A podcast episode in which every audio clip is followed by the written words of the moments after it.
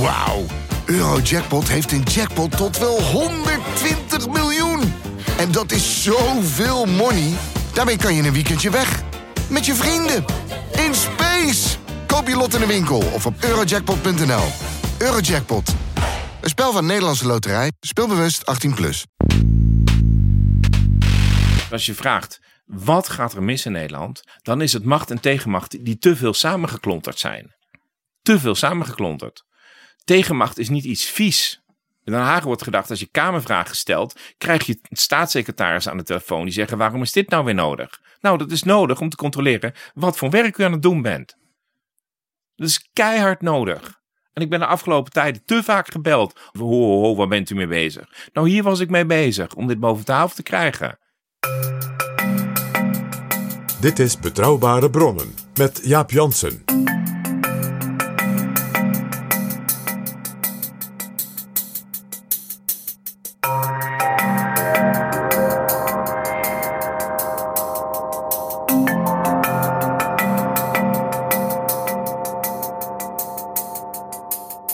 Welkom in Betrouwbare Bronnen, aflevering 162.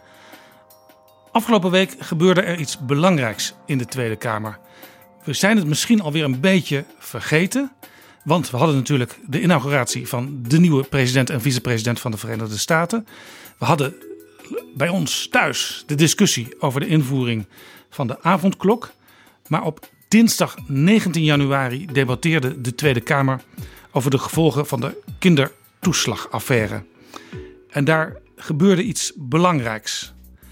Daar sprak Pieter Omtzigt en hij sprak eigenlijk de furie uit over macht en tegenmacht in Nederland. Dat die te veel met elkaar verstrengeld zijn en dat daardoor het Nederlandse politieke en staatsrechtelijke systeem niet functioneert. De band tussen kabinet en Kamer is te innig, zei hij. En de belangenorganisaties die durven zich niet echt uit te spreken, niet echt kritisch te zijn, want die eten allemaal op de een of andere manier mee uit de staatsruif. En wat heeft Pieter Omtzigt gedaan? Hij heeft een motie ingediend om eens met vreemde ogen te kijken naar hoe dat in Nederland functioneert. En hij wilde dat laten doen door de Venetië-commissie van de Raad van Europa.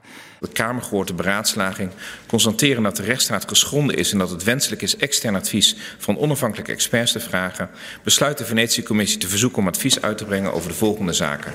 De rechtsbescherming van burgers in Nederland, met name onder het bestuursrecht, inclusief de rijkwijde rechtsbescherming, marginale toetsing en rolraad van state. Het stelsel van macht en tegenmacht in theorie en praktijk, inclusief de Staten-Generaal en de rechterlijke macht, gaat over tot de orde van de dag, mede ondertekend door collega's Marijnissen, Dijkhoff en Segers. Wordt de indiening van deze motie in voldoende mate ondersteund? Dat is het geval, dan maakt ze deel uit van beraadslaging. Die motie die is inmiddels aangenomen door de Tweede Kamer. En dat is interessant, PG. Zeg dat wel, Jaap. Zeg dat wel. Ik begrijp onmiddellijk dat niet iedere luisteraar van Betrouwbare Bronnen... Sterker nog, ik denk dat de meeste mensen die in Den Haag naar Pieter Omtzigt zaten te luisteren, ook toen, helemaal niet weet wat de Venetië-commissie is. En wat die doet en wat dat met Venetië te maken heeft. En je, begrijpt, Jaap, nog even. En ik ga een hele tijd cultuurhistorische achtergronden van Venetië als republiek. Ja, met Venetië, zeemacht. Dat klinkt natuurlijk heel, heel gezellig. Misschien dat dat ook wel een reden was voor partijen in de Tweede Kamer om voor die motie te stemmen. Maar het kan grote gevolgen hebben wat daar gebeurd is. Die commissie is van zeer grote betekenis. En dat is al gebleken in een heleboel landen in en rond Europa. En dat weet niet iedereen. En we gaan daar straks iets later in deze aflevering ook met Pieter Omtzigt zelf over spreken. Dit is Betrouwbare Bronnen. PG, we gaan het dus hebben over de consequenties van wat er afgelopen week in de Tweede Kamer is gebeurd. En het onderzoek van buitenaf naar de verstrengeling van macht en tegenmacht in Nederland. Laten we even om te beginnen luisteren naar wat Omtzigt zei in de Tweede Kamer. Ik heb onderzoek gedaan in Malta, zoals u weet. En kwam daar een staat tegen die niet functioneerde. Heel lang heb ik voor onmogelijk gehouden om een vergelijking tussen Malta en Nederland te maken. Maar bij ons functioneert iets anders niet. En dat is macht en tegenmacht. Er is hier zo'n innige band tussen het kabinet en de Tweede Kamer. Dat als je een moeilijke vraag zet, jij het probleem bent in het kabinet. Is zo'n innige band tussen het kabinet en de pers Dat er wel vragen aan het kabinet gesteld zijn. Op moedige journalisten als Jan Klein Nijhuis en Pieter Klein na. Maar die 20, 30.000 ouders, wat zeg ik, 100.000, want het waren allemaal gezinnen. Dat die nooit in beeld gekomen zijn in ons land. Daar is iets fundamenteels mis in ons land. Fundamenteels in de checks en balances. En het gaat verder. De rechtspraak beschermt niet. De belangenorganisaties die allemaal uit de staatsruif eten. Allemaal. En die noemen wij belangenorganisaties. Maar weet je wat er gebeurt? Ze zeggen wel eens wat. Maar je ziet ze nooit keihard zeggen en nu is het afgelopen. En waarom? Omdat dan de subsidie stopt. En ik kan u de voorbeelden ervan geven. Wij hebben de staat zo ingericht dat onze kliek in Den Haag, onze kliek in Den Haag, en dan zeg ik onze, hoewel ik, uh, hoewel ik een van de langzittende Kamerleden ben, doe ik het best om er buiten te blijven. Onze kliek in Den Haag meer kijkt naar de partijvoorzitter dan de kiezer. En dat zullen we moeten veranderen. En dat is een bredere agenda, zeg ik, die eronder ligt, dan even te zeggen, er was één belastingambtenaar. Was het maar één belastingambtenaar die kon vinden? Was er maar één belastingambtenaar of één minister? Dat is ook precies waarom ik al vier jaar zeg, dat opstappen, dat kan me niet schelen. Waarom zeg ik dat? Omdat het niet één persoon is. We hebben hier een, een structuur en een systeem gecreëerd, waarvan alles centraal staat, maar niet de hardwerkende Nederlandse burger. Die staat alleen centraal in de verkiezingscampagne. Maar er zijn dus mensen die rechtszaken verloren hebben in dit land, omdat de overheid vertikte om de informatie te geven. Dat is een bananenmonarchie, voorzitter. Dat was Pieter Omtzigt op 19 januari. En dat woord bananenmonarchie, Jaap, daar wil ik het ook vanuit historisch en politiek oogpunt straks toch wel even met jou over hebben. PG, we gaan even duiden wat we hier hoorden. Het eerste wat mij hier opviel is dat bij Pieter Omtzigt, je zou ook kunnen zeggen, een opgekropte emotie, frustratie ook, van jaren als het ware de kans kreeg om heel geserreerd, ja, in één keer richting het kabinet, zeg ik nadrukkelijk, niet alleen zoals sommigen in de media de persoon Mark Rutte, nee, richting het kabinet als geheel zich uiten. Er kwam een interventie van iemand die dacht dat het slim was om zich te interrumperen van ja, maar uw lijsttrekker Hoekstra. En toen zei Omtzigt, en dat was zeg maar vanuit staatsrechtelijk, constitutioneel oogpunt een hoogtepunt in dat debat. Ik ben niet in dienst van partijleider Hoekstra. Ik controleer minister Hoekstra. Ja. Een sternstunde in onze parlementaire geschiedenis. Ja, hij ging dus helemaal niet alleen maar richting Rutte. Uh, zelfs zijn eigen partij kregen van langs. Althans, hij zette even neer hoe de verhoudingen uh, daadwerkelijk uh, zijn. En hoe, hoe het is in hoe een staatsrechtelijk democratisch bestel. Ja. Waarbij hij dus niet alleen het huidige kabinet en de huidige bewindslieden, inclusief Wopke Hoekstra, maar ook voorgaande kabinetten.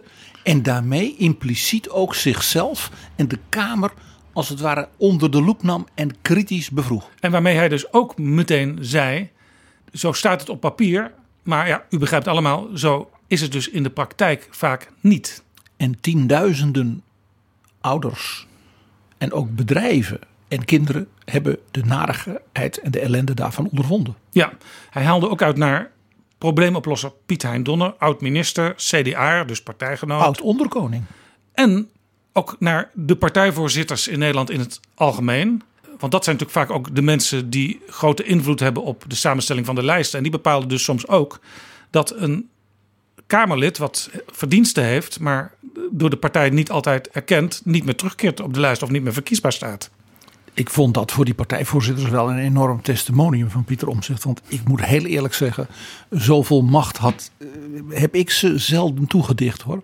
Dus ik vond dat uh, niet het sterkste punt. Maar het was voor die partijvoorzitters leuk dat ze blijkbaar in zo'n belangrijk debat zo belangrijk gevonden werden. Maar het viel me op dat Pieter Omtzigt zeer geëmotioneerd was.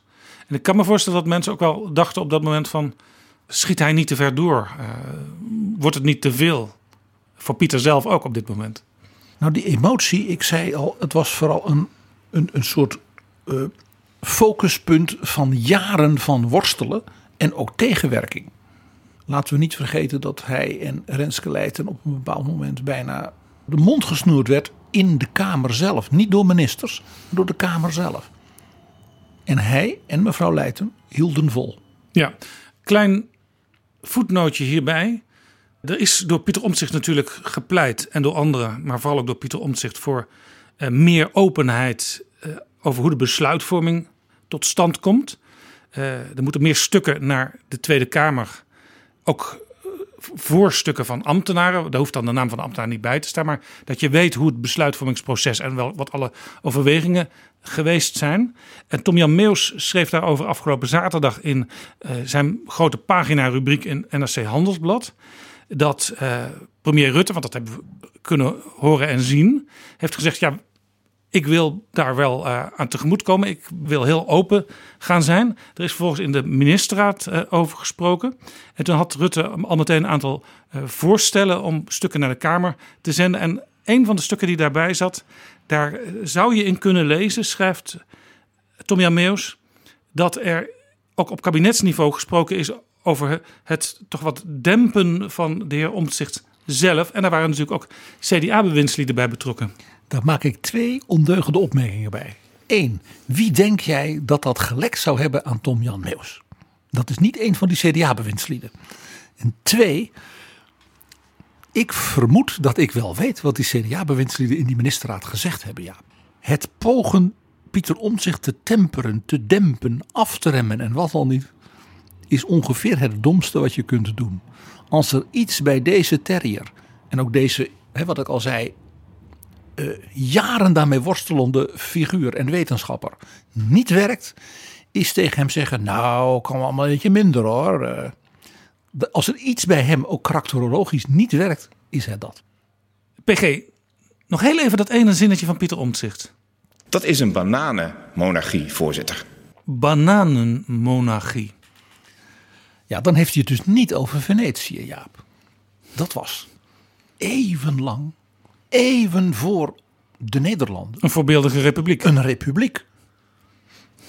En een republiek met een maritiem imperium dat de hele wereld via handelsnetwerken en dergelijke bestreek. Ja. Een voorbeeld dus voor de Nederlanden van de 16e en vooral 17e, Ja. 18e eeuw, onze gouden Ja. eeuw. En wij kennen natuurlijk het woord bananenrepubliek. Daar, daar ga jij zo ook nog wat over vertellen. Maar het woord bananenmonarchie, dat is natuurlijk heel grappig. Dat slaat natuurlijk op Nederland. Dat is verrukkelijk.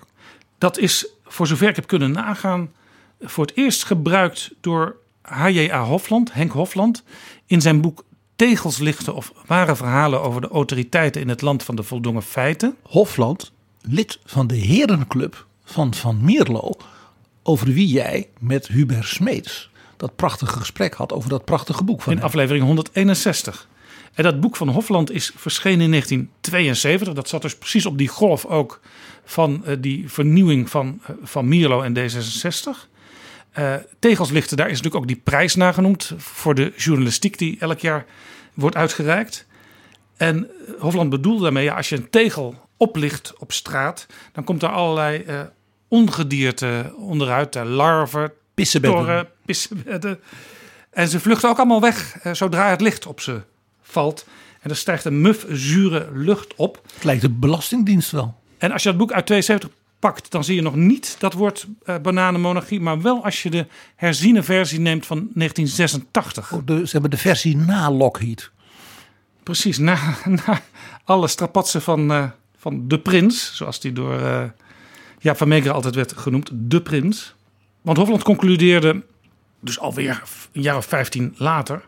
de hiërarchie in het bedrijfsleven, want dat pakte hij er ook bij... is niet wezenlijk aangetast. De democratisering is vastgelopen.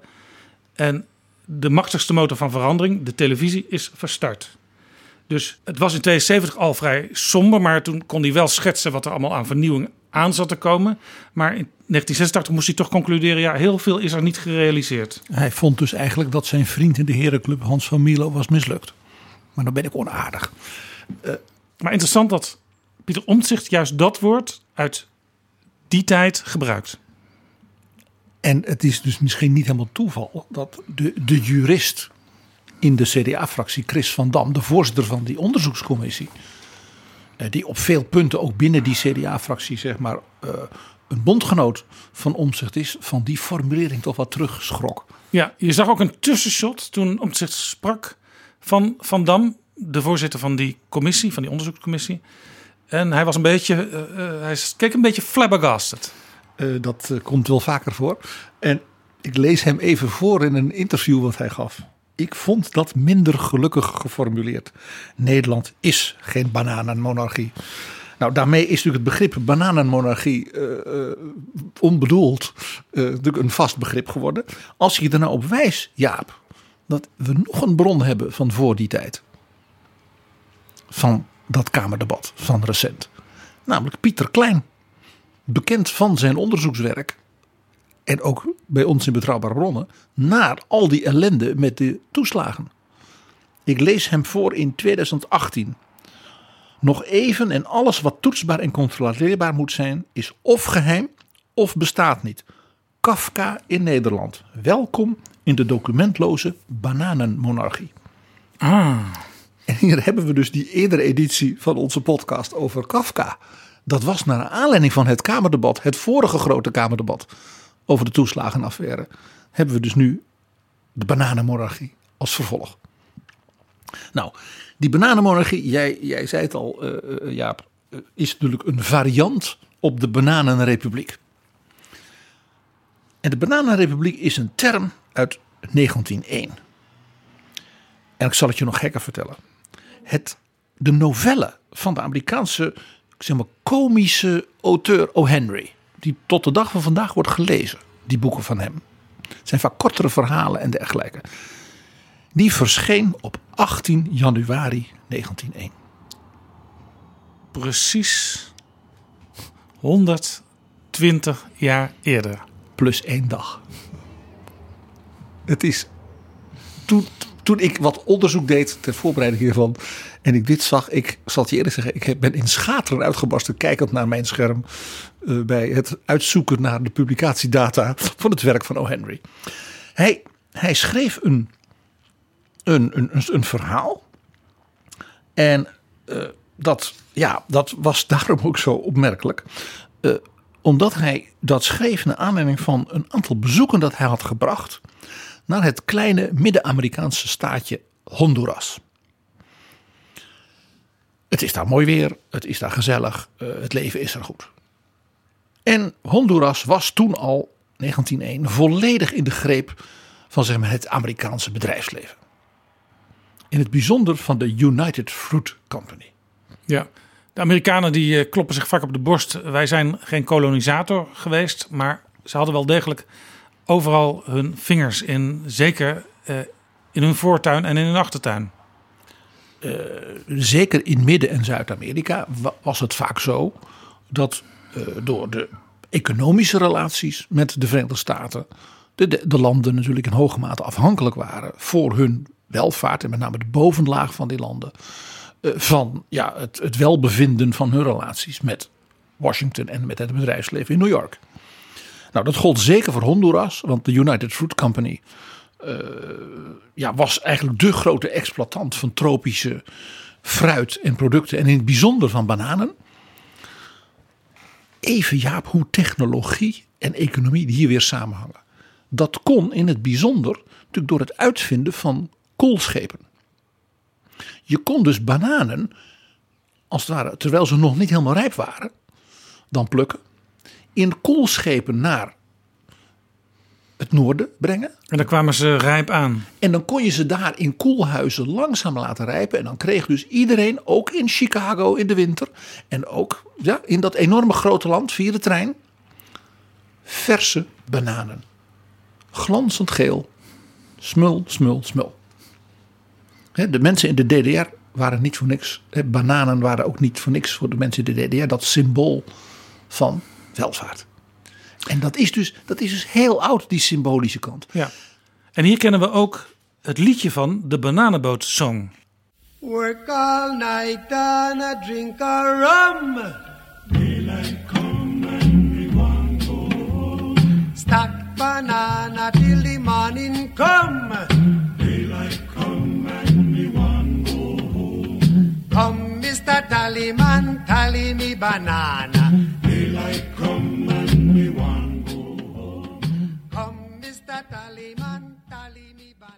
Je begrijpt waarom dus dat begrip als symbool voor tropische ook het, het, het, het lekkere van tropische, het, het ontspannende, het, het, het genieten ervan. Ja, in- dat heeft allemaal met elkaar te Ja, maken. in Nederland door André van Duin gebracht als Waarom zijn de bananen krom? Kijk, dat weet jij dan weer, Jaap. Eh o. Henry bezocht dus Honduras en raakte geïnspireerd voor het schrijven van een novelle. En heeft er zelfs meerdere geschreven. Over een fictief staatje in de tropen. eh, waar dus zeg maar, Amerikaanse bedrijven eh, eh, ja, de zaak exploiteren. En de bovenlaag er goed van leeft. En hij beschrijft dan dat ja, eigenlijk bestond alles daar van het feit dat er bananen groeiden en konden worden geëxporteerd. En, en was het een fictief verhaal omdat hij anders misschien wel eh, juridische procedures aan zijn broek zou kunnen krijgen? hij wou geen gedoe. zeg het maar. En dat land heette dus Anchuria. Dus niet Honduras, maar Anchuria. En, en dus in dat verhaal, de admiraal heette dat, in zijn bundel Cabbages and Kings, kolen, kooltjes en koningen, prachtige titel ook meteen, vertelt hij dus over Anchuria en dat beschrijft hij als een small maritime banana republic. Daar zit het woord dus meteen al in. Een klein maritieme bananenrepubliek. En ik denk dan meteen een kleine maritieme bananenmonarchie. Maar wie ben ik dat ik, dat, dat ik die gedachte krijg? Nou, Owen Henry met zijn ironische eh, eh, eh, verhaal bleek ook nog profetisch. Precies tien jaar nadat het boek verscheen, was er een staatsgreep in Honduras. In belangrijke mate gefinancierd en aangemoedigd door, je raadt het al, de United Fruit Company zodat er eh, eh, generaals eh, aan het bewind kwamen die ervoor zorgden dat dus de profitabele relaties met de elite bleven. En de gedachte van zeg maar, de, de heerser daarvoor om ook nog iets voor de gewone man uit te delen, wat ingeperkt kon worden. Ja, overigens, hij overleed, eh, O. Henry, pseudoniem van William Sidney Porter, op 5 juni 1910. Dus hij was net overleden toen dat gebeurde. Hij heeft het dus niet meer zelf meegemaakt dat zijn vrolijke novelle profetisch bleek. De United Fruit Company had ook nog een concurrent. Want ja, we zijn natuurlijk wel in een kapitalistisch land in Amerika. Zeker in die tijd, hè, tussen 1900 en eh, 1930. Eh, en dat was de Cuyamel. Dat kennen wij nu als Chiquita. Ah, En het verhaal daarvan is bijna nog interessanter. Want, Cuyamel, ook wel de Cuyamel Fruit Company genoemd, was zo'n dingetje zoals je dat in de, ze hebben de oerverhalen van Amerika tegenkomt. Dat was een bedrijf dat was opgebouwd uit het niets door meneer Samuel Samurai. En Samuel Samurai was natuurlijk een Joodse immigrant uit het niets die als jongetje op straat in Brooklyn dus met een fruitkar ja, met dus bananen en ananas en tropisch fruit door de straten liep en verkocht. En toen hij stierf in 1961 was hij een van de allerrijkste mensen van Amerika en een man die eigenlijk de baas was als zeg maar, eh, weldoener, maar ook politiek machtige figuur van de stad New Orleans. Zijn villa daar was zo gigantisch dat er nu het hoofdkantoor is van het college van bestuur van de Tulane Universiteit. Nou, dan ben je wel in beeld, hè? Dus die man was uit het niets, ik denk ergens uit Minsk of Riga, ja, als, als immigrant, gevlucht van pogroms, multi-multimiljonair geworden en een groot kapitalist. Want die bouwde die Fruit Company van hemzelf op, werd de concurrent van United Fruit ja. kocht uiteindelijk door een soort hostile takeover de United Fruit Company op. Want hij was dus zo slim dat hij een, zo'n scheepvaartbedrijf begon voor het gekoeld vervoeren van die bananen. Dus in feite door innovatie kreeg je een voorsprong. Zoals zo vaak, Jaap, een onderwerp waar wij het al vaker over hebben gehad. De Zumarai Hubbard Steamship Company was dus zijn geheime wapen ten aanzien van de banaan. En zo werd hij eh, eh, dus een concurrent van United Fruit.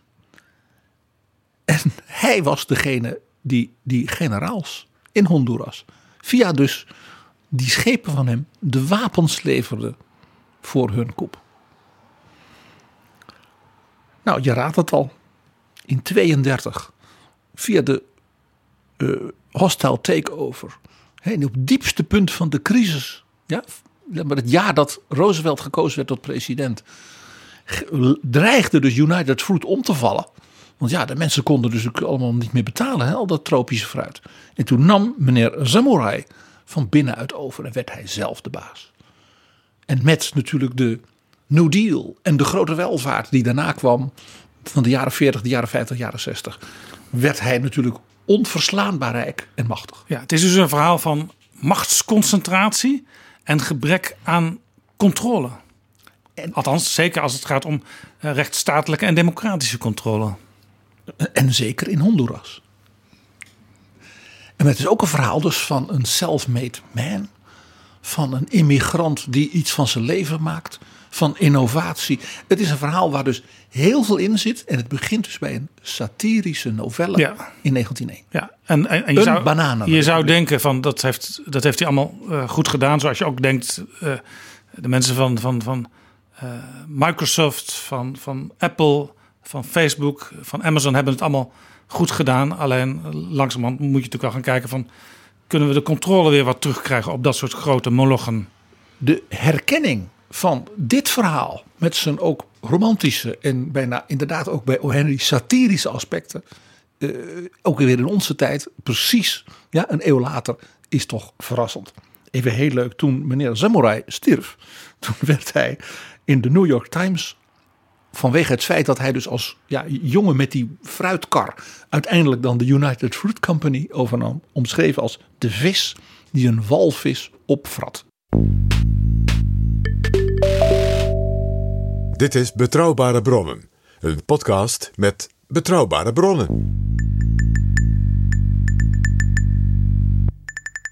Nou ja, eh, bananenrepubliek, dat is dus een begrip met een ongelooflijke ja, ja, historie, achtergrond en daar ook zeggingskracht. En dan bananenmonarchie. Dat is een bananenmonarchie, voorzitter. Ja, dat eh, juist Pieter Omtzigt dat gebruikt, is natuurlijk extra pijnlijk voor nou ja, de politieke omstandigheden in dit land, maar ook wel een beetje voor de monarchie in dit land. Want ja, hij is natuurlijk een geducht onderzoeker naar, nou ja, republieken waar niet alles helemaal goed loopt. Hè, Ja. Via zijn Raad van Europa. Denk Ja, aan Malta. Wij hebben een aflevering van Betrouwbare Bronnen gewijd aan zijn onderzoek in eh, Azerbeidzjan. Ja, het, het regime in Baku met zijn oliegeld. En op dat moment dat ik hem toen sprak, toen was zijn onderzoek in Malta was nog in de beginfase. Daar kon hij toen nog niks over zeggen. Maar er is later eh, een rapport over geschreven. En premier Joseph Muscat is afgetreden. En, eh, dat is nog steeds gaande hoor. Want eh, men probeert in Malta van alles om er toch nog steeds een beetje onderuit te kunnen komen. Ja, en, en Pieter Omtzigt werd daar ook onder bewaking werd hij, begeleid toen hij daar onderzoek deed. Want ze zagen hem liever niet komen. Nou ja, ze, en ze hielden het liever onder de pet. Ja, en die Azerbeidzjan-kwestie heeft nu onlangs geleid tot eh, de veroordeling in Italië van zelfs de fractievoorzitter van de Christen-Democratische Club binnen de Assemblée van Raad van Ja, Europa. de- de- de- van waarom zich dus zelf lid van is. de voormalige fractievoorzitter van die Christen-Democraten. Eh, dus eh, dit geeft ook weer eens aan. Het is, het is geen onzin wat Omtzigt doet als hij eh, in de Tweede Kamer het kabinet waar zijn eigen partij in zit en zijn eigen partij op zichzelf eh, stevig aanspreekt. En die in Europa dus ook. Hij kan dus echt daadwerkelijk de consequenties trekken van dat soort woorden. Ja, en de term bananenmonarchie is natuurlijk eh, ja, in de actualiteit ook een beetje. Iedereen denkt dan natuurlijk aan dat bootje en dat vakantieverblijf in Griekenland, waar men dan, op, hè, men dan wel en niet heen ging. En het onderhouds De monarchie, ja. Ja, en het onderhands verkopen van kunstzinnig erfgoed door de koninklijke familie. Nou ja, eh, Dat is een bananenmonarchie, voorzitter. ja. Maar één ding, laten we eerlijk zijn, Jaap. Ook bij de licht ironische eh, eh, ja, kant die hiervan, die natuurlijk weer past bij de auteur O. Henry van precies 120 jaar geleden. Hè? Die ironische kant. Eh Omtzigt is geen roeptoeter langs de kant alleen. Hij komt ook met soms gedurfde en eh, zelfs hele stevige gedachten. Zoals die Venetië-commissie. Ja, Dat is een term die niet zo heel vaak in ons parlement eh, Nee, valt. interessant was dat eh, Klaas Dijkhoff van de VVD dat eigenlijk meteen omarmde in de Tweede Kamer. En volgens mij Segers van de ChristenUnie ook. Dus dat zijn twee fractieleiders uit de coalitie. Ja, en Lilian Marijnissen die Omtzigt interrumpeerde waarna dat hele verhaal eh, kwam in de Tweede Kamer. Dijkhoff zei, het lijkt mij goed een blik van buiten eh, die ons een spiegel voor kan houden. Mag ik even een heel ondeugend vraagje stellen?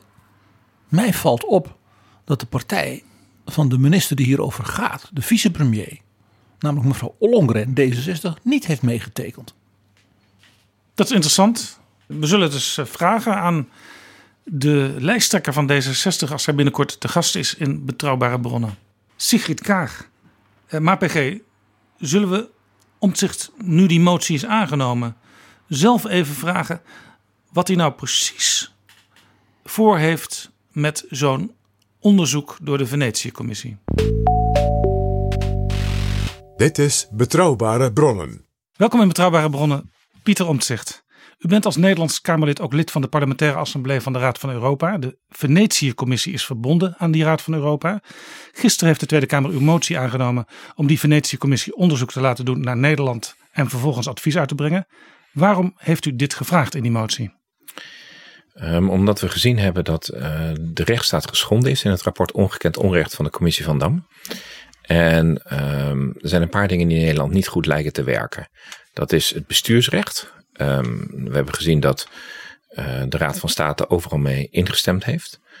Ehm, De afdeling rechtspraak van de Raad van State. natuurlijk de afdeling rechtspraak van de Raad van State. Ehm, die heeft eh, jarenlang het, eh, het beleid van de Belastingdienst, dat overigens niet rechtstreeks uit de wet volgde. Dat hoorden we pas nadat het kabinet gevallen was. Kregen wij een, ehm, een conceptadvies van de landsadvocaat uit 2009, omdat de Belastingdienst ook niet wist hoe ze de wet moest interpreteren. En dan zei de landsadvocaat, nou, het ging om de volgende situatie overigens. Als je 1000 euro ehm, eh, aan de kinderopvanginstelling moest betalen. En je kreeg 950 euro terug aan kinderopvangtoeslag. Waren er in die tijd kinderopvanginstellingen die zeiden die 50 euro die vergoeden wij u. Die had verschil dat u betaalt. En toen dacht de Belastingdienst wat moeten we hiermee? Ehm, en toen zei de Belastingdienst, eh, die legde voor, wij gaan ervan uit dat als die persoon daarna niet 950 maar 900 euro betaalt, dat dan ehm, ook vervolgens weer 50 euro teruggeschonken wordt. En als hij dan 850 betaalt, dat het ook teruggeschonken wordt. En dat dan eigenlijk die kinderopvang gratis zou zijn, omdat de kinderopvanginstelling altijd terugstort. En toen zei de landsadvocaat, nou we kunnen ons, ons die eerste vermindering voorstellen. Dus deze persoon heeft niet recht op 950 euro toeslag, maar op 900 euro toeslag, want die moet gewoon die 50 euro eigen bijdrage betalen. Maar we kunnen ons niet voorstellen dat die kinderopvanginstelling zegt, we doen het altijd gratis, ook als er helemaal niks meer. Maar je kunt het proberen hoor, bij de rechter. En toen heeft de Belastingdienst gezegd, in dit geval gaan wij dus niet 900 euro toeslag nog uitbetalen en 50 euro terugvorderen, maar we gaan 0 euro toekennen. En de Belastingdienst is nog verder gegaan, want dit was een constructie die niet helemaal goed was. Maar ze ging nog verder en ze ehm, eh, bij elke fout ook maar minim. En dat was bijvoorbeeld echt fouten waar we het over hebben hoor. Ehm, het ontbreken van het adres van het kind op, de op het aanvraagformulier. Dus heb je wel het adres erop gezet van jezelf als ouder, maar niet het adres van je kind. Wel de naam en het BSN-nummer, maar niet het adres. Nou ja, bedoel, je zult maar twee Ja. ouders zijn. eh, Nou, dit, alle- dit zijn voorbeelden die u geeft, die eigenlijk eh, strijden met het idee van een rechtsstaat dat er gehandeld wordt naar redelijkheid en billijkheid. Ja, dat zijn in Nederland zijn dat de algemene beginselen van behoorlijk bestuur. Daar zegt de commissie van Dam, daar is gewoon niet aan getoetst. Heel lang heeft de regering gedaan alsof het uit de wet volgt. En ik zei van, uit welk wetsartikel volgt het dan? Kon de regering niet antwoorden en blijkt niet uit de wet te volgen. Dus had de eh, afdeling bestuursrechtspraak van de Raad van State het recht kunnen zetten, maar dat heeft zij eh, niet gedaan. En eh, zij heeft ook gezegd van wij volgen in principe altijd het, eh, het bestuur Ja, dat heeft de voorzitter van de afdeling Van rechtspraak onlangs nog in een recent interview gezegd. van in trouw. En ehm, dus moet je afvragen: van, is, dat, al- is, dat, is die, dat bestuursrecht goed, goed ingevuld in Nederland? Er zijn een aantal vragen.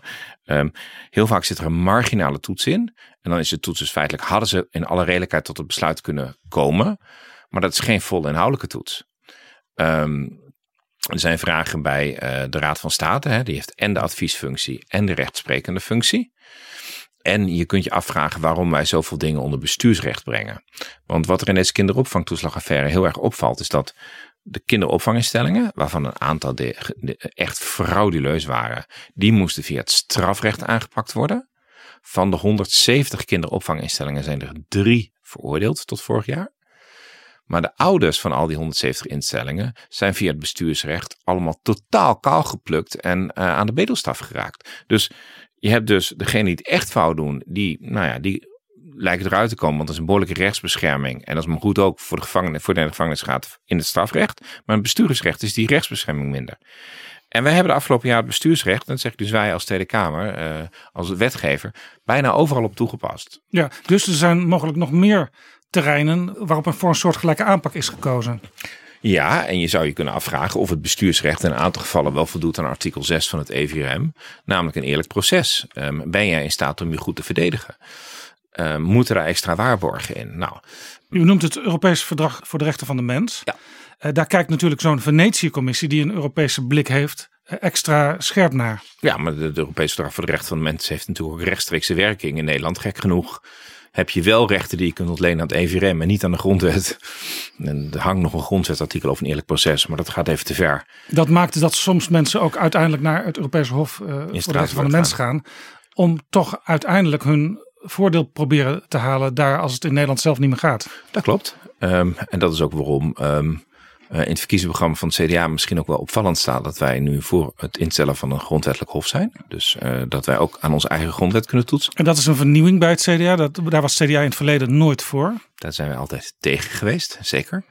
Maar ik vind de rechtsbescherming van de burgers, dat is wel een belangrijke les uit, deze, eh, uit dit schandaal, dat dat beter moet. Nou, dan heb je dan een keuze. Je kunt, als je ziet dat er bij het bestuursrecht iets niet goed werkt, kun je als politicus alles gaan veranderen. Maar ik heb hier een voorkeur gehad om naar de Venetië-commissie te gaan. Heeft een aantal aspecten. Het eerste aspect is gewoon, ehm, er zit nog enige scheiding tussen de politieke machten. Dus, dat, dus ik snap wel dat wij als Tweede Kamer niet precies moeten zeggen: doe nou dit en doe nou dat. Dus ik denk dat is verstandig. Maak, zorg dan voor een zeer gezaghebbend advies van een gezaghebbend orgaan. Ja, want je, kunt, je zou ook kunnen zeggen, dat wordt ook wel gezegd in deze discussie. eh, eh, alle delen van rechtsstaat en democratie, die, die hebben misschien op een bepaalde manier. eh, eh, ja, schuld is, is misschien niet het goede woord, maar die hebben in ieder geval te maken gehad met eh, hoe de kinderopvangtoeslagaffaire ontstond en hoe dat allemaal verder ging. Regering, rechtspraak, maar ook de Tweede Kamer. Jazeker, maar het tweede gedeelte van het dictum van de motie gaat ook over macht en tegenmacht. En noemt exclusief, eh, expliciet de Staten-Generaal.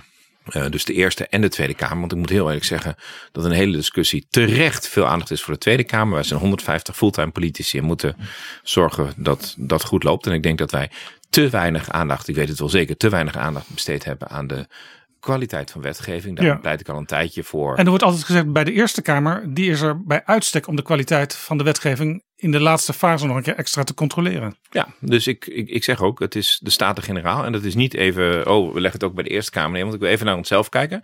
Maar daarom hebben we die Staten-Generaal ook in die motie gezet. ehm, expliciet om te kijken of, of er in Nederland misschien iets mis is met die checks en balances. Of ze ook in het algemeen, gewoon in de algemeenheid kunnen kijken.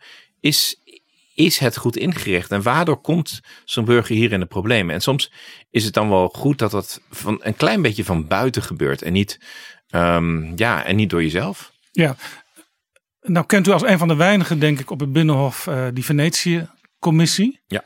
Wat is uw ervaring met die commissie? Met wat voor soort adviezen komen zij? Nou, over het algemeen wordt de Venetische Commissie ingezet voor eh, in eh, landen die, een, eh, die, die wel eens een rechtsstaatprobleem hebben. Dus dan komen ze met adviezen richting Polen of Malta. ehm, over ehm, eh, bepaalde wetten. Of die in overeenstemming zijn met de internationale normen. Ik heb zelf bij beide landen ben ik natuurlijk op dit moment betrokken. En bij Malta heb ik via de Raad van Europa advies gevraagd. Er zijn twee, je kunt of een advies vragen als land. Dus of de regering of het parlement vraagt een advies aan de Venetië-commissie. Of het is de parlementaire assemblee van de Raad van Europa. Heb- moet overigens in dit geval eh, het advies vragen? Is dat eh, het Nederlandse parlement? Wij vragen nu als Nederlands parlement, ja. Maar als de Nederlandse regering het zelf had gedaan, had het ook gekund. Dus beide kan. En ik vind ook van een zeker sterkte getuigen dat je het zelf doet. Je vindt altijd dat andere landen advies moeten vragen en dat je het zelf nooit hoeft te doen. Dan zeg nou, leg het maar voor. En overigens hebben in, in, het, in, de, in de afgelopen jaren hebben zowel België als Frankrijk dat al een keer gedaan. Dus het is ook niet zo dat eh, landen uit deze regio van de wereld het nooit doen. het is uitzonderlijk. En dan, ja, dan hoop je dat je een advies krijgt waar je, waar je wat mee kunt. Ja. Als als ehm, het parlement het vraagt, is dat dan Khadija Ariep of is dat dan de voorzitter van de Eerste Kamer, die ook de Verenigde Vergadering voorzit, die het, die het, Het moet is op dit moment de Tweede Kamer. Dus eh, dan zal het eh, een brief zijn van, uh, van Khadija Ariep aan, ehm, eh, aan de Venetië-commissie. Ja, en wanneer moet die Venetië-commissie dan klaar zijn met dat advies? Dat uh, ligt er even aan. Um, het, dit is de tweede keer dat we een advies vragen. De eerste, het eerste advies van de Nederlandse Tweede Kamer was veel minder, on, veel minder omstreden. Want dat ging over hoe de openheid of het gebrek aan transparantie in de Europese Unie ons wetgevingsproces beïnvloedt. Dat was veel minder pijnlijk natuurlijk voor ons. Dus dat advies dat hangt nog, omdat dat best wel moeilijk ligt, omdat dat ook over de Europese Unie gaat. Uh, soms doen ze het heel snel. Dus er zijn adviezen uh, die, die binnen weken uitgebracht zijn. Maar dit lijkt me een advies waar wel een aantal maanden uh, zeker overheen zou gaan. Ja, dus het zou kunnen dat het advies pas klaar is na de kabinetsformatie en als er dus alweer een nieuw kabinet zit. Jazeker, maar dit is, maar dit is ook het tweede gedeelte van mijn uh, kritiek. De kabinetsformaties in Nederland, die zijn bij uitstek geschikt om de checks en balances uit te schakelen. En um, ja, zeker met de situatie waar we nu in zitten met corona, betekent dat wij nog veel grotere onzekerheid hebben over waar wij over twee, drie of vier jaar staan. En het idee dat je tot 0,1% achter de komma de groei, de loonstijging en wat dan ook allemaal kunt gaan vastleggen in een uitgebreid regeerakkoord dat je in maart gaat schrijven, is pure illusiepolitiek. En ik hoop dat het volgende kabinet en de volgende regering, uh, uh, regeringssamenstelling dus ook een zekere vrijheid neemt om te begrijpen dat, uh, dat, dat, dat de prioriteit één is om uit deze, uit deze crisis te komen. Dat hangt natuurlijk van vaccins af, dat hangt af van, van mutaties, dat, hangt, nou, hè, dat is een heel samenspel. En daarna probeer je een stuk van die economie gaande houden, maar op te bouwen. Want hoe zorg je dat bijvoorbeeld werkgelegenheid overeind blijft bij bedrijven die dan technisch failliet zijn? Hè? Dat is nog best een hele grote opgave. Die bijvoorbeeld nu grote schulden hebben bij de Belastingdienst. Omdat je op dit moment bijna overal uh, uitstel van betaling voor kunt krijgen. En dan kijken hoe de financiële situatie van het Rijk erbij staat om te kijken wat je kunt doen. Ja. En dan hoop ik ook dat dat hetzelfde bij die rechtsstaat is. Op het moment dat er een probleem is, dat je dan niet denkt, ja, daar hebben we nu geen afspraak over gemaakt, dan gaan we dan vier jaar laten wachten. Ja, hoor ik u hier eigenlijk zeggen, uh, die kabinetsformatie in Nederland, daar is het stelsel van macht en tegenmacht eigenlijk een aantal maanden uitgeschakeld. En daar wordt zoveel besloten in hele korte tijd, wat dan voor vier jaar geldig is daarna. Ook daar zou zo'n commissie naar moeten kijken. Daar kunnen ze iets over zeggen. Er zijn twee parlementaire onderzoeken. Eentje die heeft natuurlijk heel veel aandacht gekregen. Is de commissie van Dam over de toeslagenaffaire. En er is een tweede van uh, Bosman. En die kijkt breder naar hoe komt het dat het bij al die uitvoeringsorganisaties redelijk misgaat. Dus bij het UWV, Belastingdienst, CBR. Um, en wat voor lessen moeten wij er als politiek uittrekken? En een van de dingen die ik daar betogen heb is, we hebben in Nederland heel vaak last van hele grote pakketten die wij samenstellen. Uh, nou, het regeerakkoord is één voorbeeld van. Het klimaatakkoord is een ander voorbeeld. Het pensioenakkoord is een derde voorbeeld. Daar krijgen wij een megapakket aan voorstellen, waarvan we het ongeveer tegen het megapakket ja of nee moeten zetten. Bij het klimaatakkoord waren dat 600 individuele maatregelen. En het overgrote gedeelte van die maatregelen is prima, dus het is echt niet zo dat je denkt, dat klopt niet. Maar iets meer nakijken, regel per regel, klopt het? Is het zinnig wat we daaraan doen zijn? Um, kan op zich helemaal geen kwaad. Um, uh, en dat geldt voor regeerakkoorden um, eigenlijk ook wel. Ja, u heeft de motie ingediend uh, onder andere met de VVD samen. Hoe bijzonder is het dat de VVD meedoet? Oh, de, de, VVD komt uit een sterke traditie van rechtsstatelijkheid. Dus ik vind het helemaal niet zo bijzonder dat de VVD de rechtsstatelijkheid hoog heeft zitten. Ik denk dat we allemaal op dit moment een beetje aan het worstelen zijn van ja, hoe, hoe kunnen we daar nou bij? En, en, en ook diezelfde worsteling hebben over. eh, kijk, ik vond, ik vond het interessant, want deze motie werd ik natuurlijk op verschillende manieren bekritiseerd. Aan de ene kant werd ik bekritiseerd door de mensen die zeiden van bemoei je nooit met, eh, met, met de rechtspraak. Waarom mijn antwoord is ja, het is wel aan ons als politici om iets bij het bestuursrecht onder te brengen of bij het strafrecht. De, de, de, vraag één natuurlijk is waarom hebben wij de hele toeslagen bij bij het bestuursrecht ondergebracht en niet bij het fiscaalrecht? Want bij het fiscaalrecht heb je al wat meer waarborgen. Dus dat zijn wel degelijk vragen die bij het parlement liggen. Die liggen niet onmiddellijk bij de rechtspraak. Maar gezien de zware kritiek die er ook is van u heeft de algemene beginsel van behoorlijk bestuur niet eh, gedaan, dacht ik van ja, ik moet toch een zekere afstand houden. En niet zelf de onderzoekers gaan samenstellen waarvan ik al, hè, waarvan ongeveer weet wat de uitkomst is. Dat, dat lijkt me zeer onwenselijk. Dus laat nou gewoon een paar eh, frisse ogen naar dit probleem kijken. Ja. Die ook dit bij andere landen Dus in bekeken dit, dit- hebben. ook in dit geval geen commissie Donner. Nou, dit, eh, de, de, de heer Donner is geen lid van de, van de Venetië-commissie. Nee, daarom. Overigens zeggen ze, bij de VVD wel. Wat die Venetische commissie uiteindelijk doet, is een advies geven. Eh, ze leggen ons niets op. Dat klopt. Dat klopt. De Venetië-commissie heeft geen, eh, geen leger. De Venetië-commissie heeft geen andere dingen. Maar ze hebben een gezaghebbend advies. Maar dat, dat doen we toch altijd. En het zou toch ook heel gek zijn. Uiteindelijk zijn wij als parlement ook soeverein in de besluiten die wij nemen. En dat is eh, bij staatscommissies zo, dat is bij de Venetië-commissie zo, hoe je het ook inricht. Dan blijft het parlement eh, dat eh, uitmaken wat je ermee doet. Ja. Alleen, ik denk dat, het, dat als ze met iets gezaghebbends komend, dat je het ook heel serieus moet overwegen. Er is ook een mo- motie van u aangenomen die nog iets anders vraagt. Namelijk om een staatscommissie in te stellen die in brede zin het functioneren van de rechtsstaat analyseert en met voorstellen komt om die rechtsstaat te versterken. Gaat zo'n staatscommissie en die Venetische commissie, gaan die elkaar misschien niet in de weg zitten?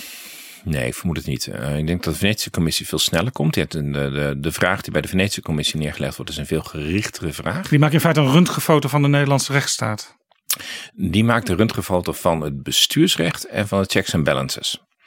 Ehm, en hier, en de staatscommissie gaat echt over eh, het hele, ehm, eh, die, die rechtsstaat. En dan moet je bijvoorbeeld ook gewoon denken aan strafrecht. Een van de dingen waarvan ik hoop dat ze dan naar zouden kunnen kijken, is hoe het in het strafrecht toch komt dat het opportuniteitsbeginsel in Nederland ertoe geleid heeft. Dat eigenlijk ehm, het allergrootste gedeelte van de aangiftes never nooit niet onderzocht wordt. En we denken dat dat best wel een gevolg kan hebben voor eh, het vertrouwen in, in, in, in, in, in, in hoe het hier gaat. Ehm, en nou, daar kunnen we dieper naar kijken. En daar kunnen we ook gewoon zelf als eigen land naar kijken. Dus daar hoeven we niet per se eh, alleen maar de Venetische Commissie op te zetten. Nee. Dit is Jaap Jansen met Betrouwbare Bronnen. U noemde Nederland een bananenmonarchie. Wat bedoelt u daarmee? Het is de oude- uitdrukking van eh, ehm, Hofland. Dat het in Nederland nog wel eens moeilijk is om misstanden en tegels te lichten. En eh, er zijn twee dingen die eh, in, deze, ehm, in dit schandaal opvallen. Het eerste wat echt opvalt is dat de regering jarenlang onvolledige dossiers aangeleverd heeft bij de bestuursrechter. Ehm, en daar ligt ook een advies van de landsadvocaat uit 2018. Ook weer een advies dat pas openbaar geworden is na de val van het kabinet. Waarin ze voor een, ik geloof een zestiental zaken gezegd hebben, hebben we wel de juiste stukken aangeleverd bij de rechter. En landsadvocaat zegt in een behoorlijk aantal van die gevallen nee, u heeft echt stukken achtergehouden. En in een aantal gevallen zegt ze zelf, ik denk dat als u die stukken zou aanleveren, u beter zelf een nieuw besluit kunt nemen voordat u naar de rechter stapt. Ik weet niet of u de portée daarvan begrijpt, maar Ehm, het bestuursrecht is ingericht dat de rechter kijkt, is dit een redelijk besluit dat het bestuursorgaan genomen heeft? En dat kan die rechter alleen doen als dat bestuursorgaan alle relevante stukken aanlevert. De Belastingdienst had in deze stukken alle stukken die gingen over de fraudejacht weggelaten. Ja, en dat, dat, dat, dat is echt Ja. heel erg slecht. De rechtspraak en daarmee de rechtsstaat kan op deze manier niet functioneren. Nee, dus ik bedoel, de, de, de- in, in, als, als, als, als de overheid bewust zeer onvolledige dossiers eh, aanlevert. En ehm, uit de stukken die we kregen, wederom allemaal na de val van het kabinet, blijkt dat er instructies waren die overigens ook nog naar het lijkt tot een jaar na dat advies van de landsadvocaat in 2018 geldig waren. Dus ik ben heel benieuwd of daarna nog doorging. Ja, die gewoon expliciet zeiden, u moet dit weghouden uit het dossier. Hoe dan? Dat, dat kan niet. Ik bedoel, in, in het strafrecht zou het heel simpel zijn. Dan zou de rechter hem eruit gooien. Maar hier heeft daar niemand op gelet. En dat is een, echt een, een, een, een zeer grote omissie. En het tweede waar ik in de, ehm, in, de, eh, in, in het hele verhaal. Hè? Kijk, we doen hier vaak alsof de Kamer informeren eh, een klein ding is. Of zo. Nou ja, het is de kern natuurlijk van de parlementaire democratie. Het is totaal de kern van de democratie. En neem nou dat memo Palme. Dat memo Palme. Mevrouw eh Palme Slange was de hoogste juridisch adviseur van de afdeling Belastingdienst toeslagen. En zij waarschuwde intern, zoals dat nu gaat, zo moet het niet. Het was niet eens een waarschuwing, het was een gevraagd advies van het managementteam van de afdeling toeslagen. Er komt straks een uitspraak van de Raad van State. En dan in de correcte bureaucratie vraagt natuurlijk het managementteam: joh, wat, wat gaat dat betekenen? Want ze hadden wel door dat die uitspraak wat zou kunnen betekenen. Ja, en, en, en dat advies dat was bij de Tweede Kamer onbekend. En dat was voor de ondervragingscommissie van Dam reden om mevrouw Palme alsnog uit te nodigen toen het, toen het boven water kwam. Ja, maar dus de ondervragingscommissie was in het najaar van 2020. Het Palme-advies is van maart 2017. Ik heb Kamervragen gesteld vanaf juli 2017, vanaf drie maanden na het Palme-advies. Ja, het had dus toen al veel duidelijker en veel In- scherper. Ik heb Aan minstens de orde vijf of komen. zes Kamervragen gesteld, waar dat Palme-advies gewoon in de antwoorden had moeten staan. Dus mijn eerste Kamervraag was bijvoorbeeld: zijn er ouders in de problemen gekomen, voor zover u weet? En, de, en Wiebe, Wiebes die antwoordde: nee, er is niemand in de problemen gekomen. En achteraf bij de enquête, bij de ondervraging zeiden: ja, wat een bizar antwoord. Dat was de eerste keer. Daarna Ja. heb ik gevraagd: kunt u mij alle documenten opsturen over die CAF 11 zaak waar het over ging? Zat Palme Memo niet bij. Daarna hebben we nota bene forensisch onderzoek door EDP-auditoren laten doen van wat zijn de stukken die bekend zijn over het CAF 11. De Palme Memo kwam niet boven tafel. Daarna zijn er accountants opgezet door de Tweede Kamer van ADR. Die kregen die memo Palme, zei de regering. Ja, en toen ik vroeg op welke datum ze kregen, was twee dagen voor de publicatie van hun rapport. Toen het rapport al af was en het voor wederhoor bij de regering lag, dus ze konden niks mee. De commissie Donner vroeg ook alle stukken op over, over de CAF 11 zaak en die zat nog na die eh, auditors en kreeg de memo Palme niet. Ik vroeg een tijdlijn en in die tijdlijn zat de memo Palme niet, terwijl het echt ging over wat zijn de adviezen die uitgebracht zijn. Kortom, er worden dingen onder het Kortom, bed gehouden, er worden zaken verdoezeld. Als dit memo gewoon de eerste keer naar de Kamer gestuurd was, had ik geen drie jaar bezig geweest, maar was ik drie weken bezig geweest om het schandaal boven tafel te krijgen. En als je vraagt, is er echt iets misgegaan hier? Dan is niet dat er per ongeluk een keer iets weggelaten wordt. Ik heb er als Kamerlid geen enkele moeite mee als een, als, als een minister een week later zegt... ah, bij nader inzien moet ik u nog even iets toevoegen aan een Kamervraag. Dat, dat kan echt gebeuren. Maar dit is drie jaar weggehouden. Nou, en zo kan ik het hele lijstje documenten langs gaan. En als u vraagt van nou, waar heeft onze parlementaire democratie niet goed gefunctioneerd? Dan is het in die naleving van artikel 68 gewoon de informatie op tafel leggen die je hebt. En op basis daarvan kunnen wij als Kamer een goed beeld krijgen of er juist gehandeld is of niet. Of of er ergens correcties moet plaatsvinden. En hier, ja, ehm, in alle eerlijkheid, eh, weten we dat niet. Ja, zoals u nu uitlegt, de rechter die kan alleen maar besluiten als hij alle relevante informatie heeft. En die had hij niet. De Kamer kan alleen maar besluiten als de Kamer alle relevante informatie heeft. En die had de Kamer niet. U zegt eh, Nederland is een bananenmonarchie. Eh, Op dat punt. ja, Chris van Dam, partijgenoot en ook voorzitter van de, de onderzoekscommissie eh, kinderopvangtoeslagen.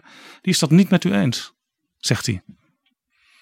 Ja, aan hem werd gevraagd of het in zijn algemeenheid zo is. In zijn algemeenheid niet. Ik ben heel specifiek op twee punten waarvan ik denk dat deze staat niet goed functioneert. Want ik had. Het kan niet zo zijn dat je naar de rechter gaat. Want, eh, even voor de helderheid. Voor een groot bedrijf is het allemaal geen enkele moeite om, de om, de, om naar de rechter te stappen tegen de Belastingdienst. Voor mensen met een benedenmodaal inkomen die voor de toeslagen naar de rechter gaat, kan ik je vertellen, dat is een enorme stap. Het heeft een enorme impact. En het gemak waarmee wordt gedaan alsof dat, of je dat zo kon doen, echt waar. Dat doen ze niet zomaar. En het zijn met duizenden tegelijk gegaan. En die duizenden hebben geen goed dossier gehad. Dat kan niet. Ja, wat ik dan weer jammer vind, is dat we hier natuurlijk met z'n allen een spel gaan spelen van is het het juiste woord om te gebruiken, is het niet het juiste woord om te gebruiken. Ja. Ik vind het allemaal prima dat iemand anders een ander woord kiest. Eh, Chris van Dam koos het woord rechtsstaat geschonden. Dat lijkt mij een behoorlijk zware kwalificatie die door deze eh, commissie eh, gedaan is en ook een terechte.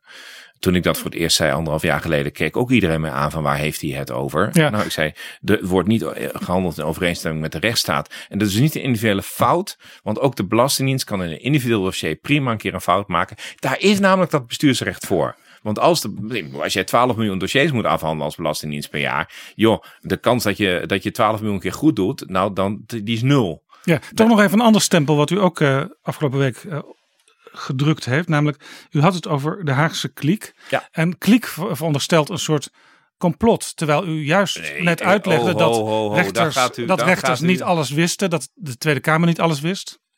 Pardon.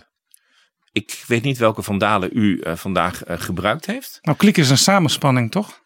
Nee, kliek is een veel te intensieve samenwerking.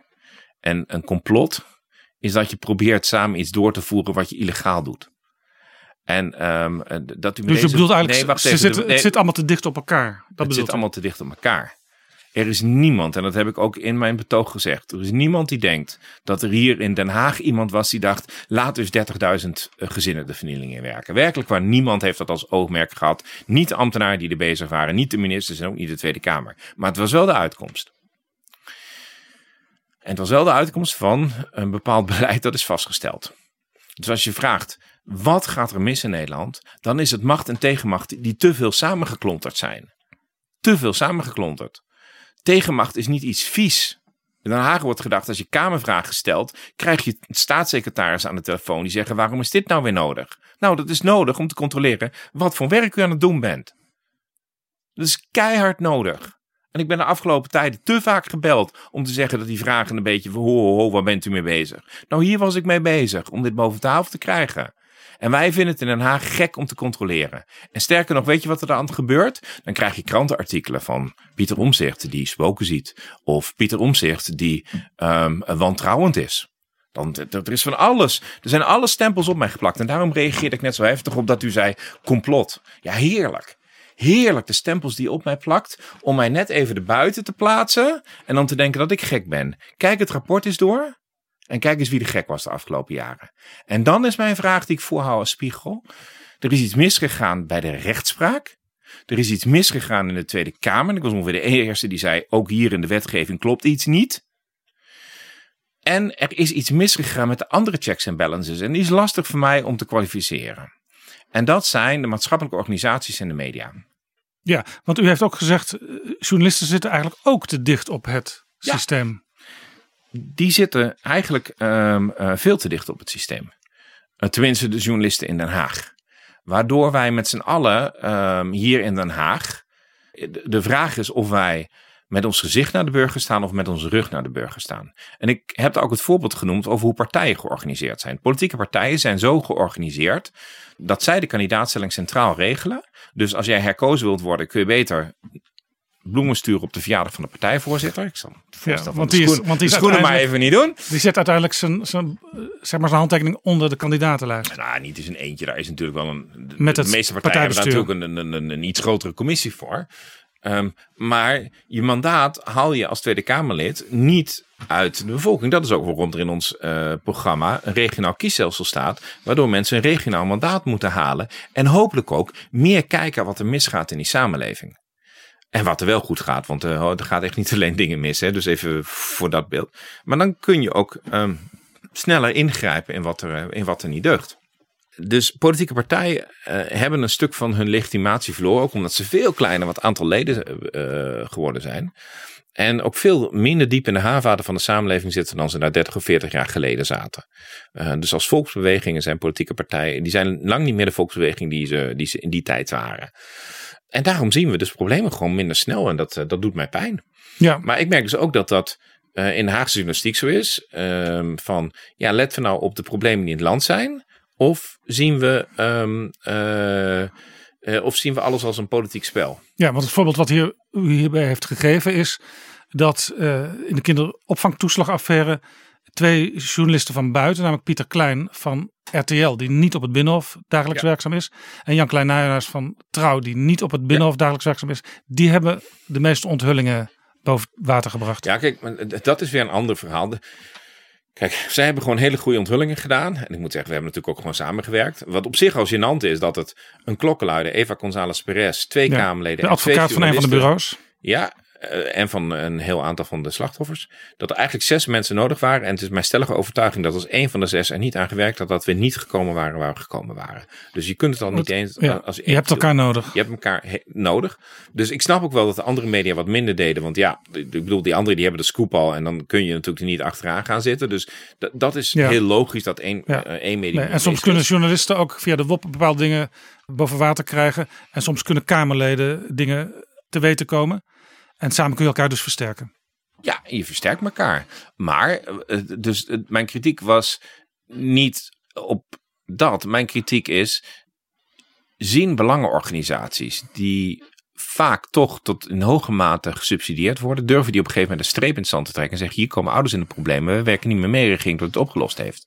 Durven wij dat als Tweede Kamer? Het antwoord is eigenlijk niet genoeg.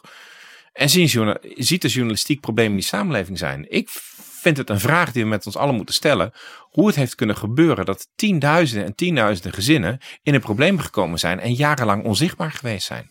Dat is iets waar je af moet vragen als samenleving. Ik vind dat nog wel een groot probleem. Het deed mij een beetje denken aan, eh, aan 1863 hier in de, in de Tweede Kamer. 1863. Het begin van de sociale wetgeving. Dat het uiteindelijk de fabrikanten waren uit Leiden die nog eens brieven gingen schrijven hier naartoe van ja, het, het, verbieden van kinderarbeid is een goed idee. Maar of, of alle eh, heren die hier op dat moment in de Tweede Kamer zaten precies door hadden hoe eh, het in de fabrieken gaat, is, was toen al een vraag. En ook nu is het gewoon de vraag, zien wij voldoende wat er eh, misgaat in die samenleving en werken dus onze mechanismes van checks en balances? Want fouten gaan altijd gebeuren. Maar ehm, zijn wij niet langzaam macht en tegenmacht in Nederland enigszins aan het, eh, aan het uitschakelen? En dat, gebeurt dus met regeerakkoorden. Dat kan zijn doordat het bestuursrecht onvoldoende middelen in handen krijgt of, of onvolledige dossiers krijgt. Maar dat kan ook zijn doordat ehm, we met z'n allen ehm, hetzelfde in, eh, in één hoek van de Kamer naar hetzelfde beeldscherm aan het kijken zijn. En helemaal niet doorhebben wat er in de rest van de Kamer eh, en de rest van Nederland aan het gebeuren is. Dat is trouwens bij Groningen heel zichtbaar. Mijn inschatting als de mijnbouw plaats had gevonden in Den Haag ehm, en hier een paar huizen verzakt waren, dat de schade, eh, het schadeherstel eh, heel wat sneller eh, zou verlopen. Ja, u zei vorige week in het debat over die kinderopvangtoeslagaffaire. Wopke Hoekstra is niet mijn baas. Als Kamerlid controleer ik minister Hoekstra. Maar hij is wel uw lijsttrekker. Hoe moet dat op weg naar de verkiezingen van 17 maart? Nou, Haagse dan deze vraag kunt u hem niet krijgen.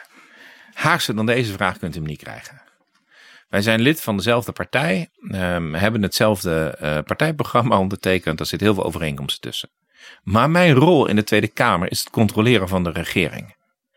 En ehm, ehm, wat ik zo interessant vind aan Den Haag, en eigenlijk heel Nederland, is dat één vorm van toezicht altijd ontbreekt. En dat is intern toezicht. Wij voeren in Nederland nauwelijks interne discussies. Het hele idee dat je intern in een politieke partij ergens een discussie over zou kunnen hebben. Of dat je elkaar intern in, een, in de Belastingdienst zou kunnen vertellen van jongens, dit moeten we zo niet doen. Was dat dan maar wat beter in Nederland? We moeten toch niet wachten op parlementaire enquêtes of mensen van buiten die vertellen dat er iets niet goed gaat. En het is dus ook mijn, en daarbij komt ook nog dat het gewoon mijn eh, constitutionele rol als Kamerlid is om de regering te controleren. En sterker nog, in, de, in onze Nederlandse grondwet staan politieke partijen niet. Staat niet in dat de minister van mijn partij niet gecontroleerd zou moeten worden. En het andere is, en dat is het andere favoriete spelletje hier in Den Haag, moet er iemand aftreden. Nou, weet u, toevallig ben ik de enige Kamerlid hier dat in die hele affaire nooit gezegd heeft, die moet aftreden, die moet aftreden, die moet aftreden. Omdat ik wist, elke dag dat er iemand aftreedt, is het de volgende dag het probleem niet opgelost. Dus is helemaal geen doel van mij. Het doel is te controleren om te kijken of wetten uitvoerbaar zijn, of burgers krijgen waar ze recht op hebben.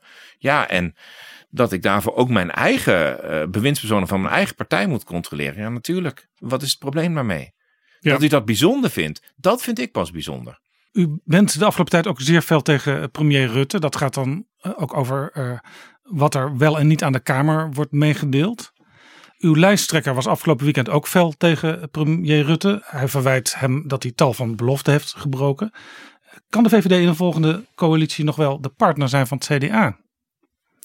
Het is aan de kiezers om, eh, eh, om een eh, oordeel te geven over welke partijen zij ehm, veel stemmen gunnen. En ehm, ik zou het liefst, maar dat is een beetje mijn eigen voorkeur zeg ik maar, eerst de komende week eens campagne willen voeren op welke ideeën en welke plannen we hebben en hoe betrouwbaar we erin zijn. En dat in de laatste twee dagen van de campagne eens kijkt wie zou het met wie doen. En het feit dat het in Den Haag altijd wordt omgedraaid, dat het enige belangrijke is wie doet het met wie op het plus, interesseert me niet zoveel. Uh, wat belangrijk is, is dat ik een stel idealen heb over een verandering van Nederland, waarbij de positie van de burger ten opzichte van de staat weer een stuk sterker wordt. Waarbij het constitutionele hof er komt. Waarbij wij de kieswet gaan hervormen. Waarbij ervoor zorgen dat inspecties onafhankelijk worden. En dat we als overheid eens wat meer onderzoek kunnen doen. We hebben minder dan 100 mensen bij de overheidsdenktank zitten, zoals de WRR en adviesraden. En het aantal voorlichters bij de ministeries is opgeblazen naar 700. Ja, dat zijn er inmiddels veel meer dan het aantal journalisten die zich met politiek bezighouden.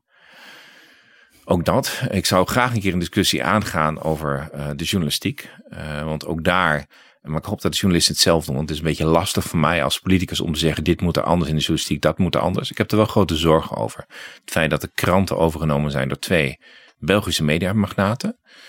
En dat we dus eigenlijk weinig, onder, eigenlijk geen onafhankelijke krantenuitgevers in het land meer hebben. Het feit dat die kranten vrij allemaal best wel grote problemen hebben. Ja, en op regionaal niveau is er, mag je hopen, nog één krant. Maar zelfs dat is niet altijd meer het geval. Nou, dat zie ik. Ik, ik ken natuurlijk zelf mijn eigen situatie in Twente, waar de waar Tubantia gewoon al, al twintig jaar in een krimmende situatie zit. En eigenlijk alle stadsredacties zijn verdwenen. Dus er zit nog wel een Tubantia verslaggever bij de gemeenteraad van Enschede. Maar bij die andere gemeenteraden nee. heel veel minder. En van concurrentie tussen kranten is al helemaal geen sprake meer. Nee, het heet TC Tubantia. Dat stond vroeger voor Twentse krant. Tubantia, de Twentse krant, de katholieke tak, de Tubantia weer de algemene tak. Eh, helaas, eh, het zou heel mooi zijn als je daar nog twee, eh, twee maar dat is al helemaal verleden tijd. Competitie tussen nieuwsmedia kan ook een competitie zijn tussen een radiostation en een, en een televisiestation en een, en een krant. Dus ook dat zit een mate van competitie tussen. Dat vind ik, vind ik allemaal wat minder spannend in mediatijdperk.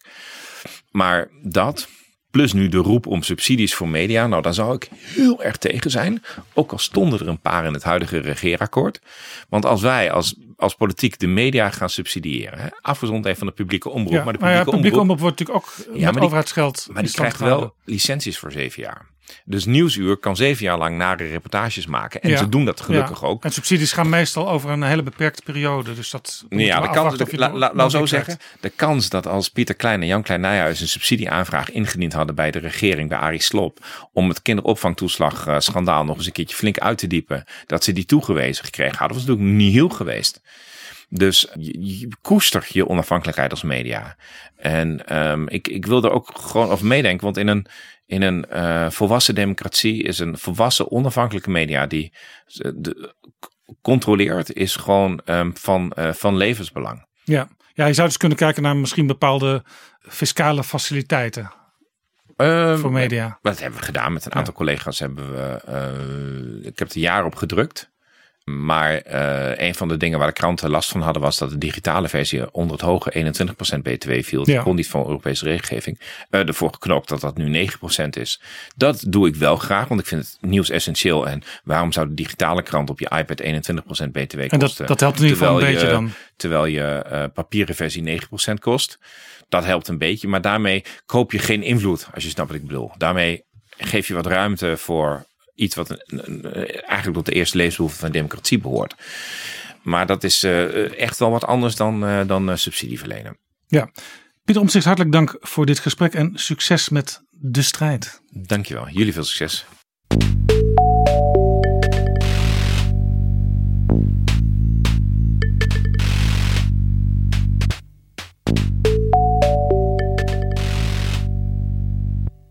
PG, die Venetië-commissie. Zullen we even het hebben over het ontstaan daarvan? Waar komt dat vandaan? Dat is, ja, dat is echt fascinerend. Die Venetië-commissie als een soort extra, zowel scherpe toets als adviseur, als aanjager van democratische verhoudingen. Slimmer daarmee omgaan, meer openheid. Dat politieke partijen bijvoorbeeld uh, beschermd worden tegen corruptie, tegen ja, uh, gedoe van buiten. Die is nog helemaal niet zo oud. Die is ontstaan eigenlijk meteen en door de val van de muur in Berlijn. Dus we zijn een beetje weer terug in onze serie daarover en de impact daarvan. Een paar maanden daarna was er al een, uh, een belangrijke Italiaanse, zeg maar, staatsrechtgeleerde Antonio Mario Lapergola. Die was minister voor gemeenschapszaken in Italië. Hij was de man voor dus het regionale en lokale bestuur. En dus ook de nou ja, bestrijding van corruptie en gedoe daar. En die zei, wij moeten misschien in Europa, nu met de val van de muur, ons gaan voorbereiden op democratisering. En hoe we dus daar in Europa ja, ja, kunnen helpen, ook misschien kunnen garanderen dat dat goed gaat. Dus in die maanden, meteen na de val van de muur, is er vanuit Italië, daar is het dus begonnen, interessant genoeg, het initiatief genomen om eens een aantal landen bij elkaar te brengen. Van wat zouden we kunnen organiseren? Hoe zouden we dat kunnen organiseren? Ja, en het initiatief is genomen door Italië. Maar er werd aangesloten bij eh, het werk van de Raad van Europa, die er al was.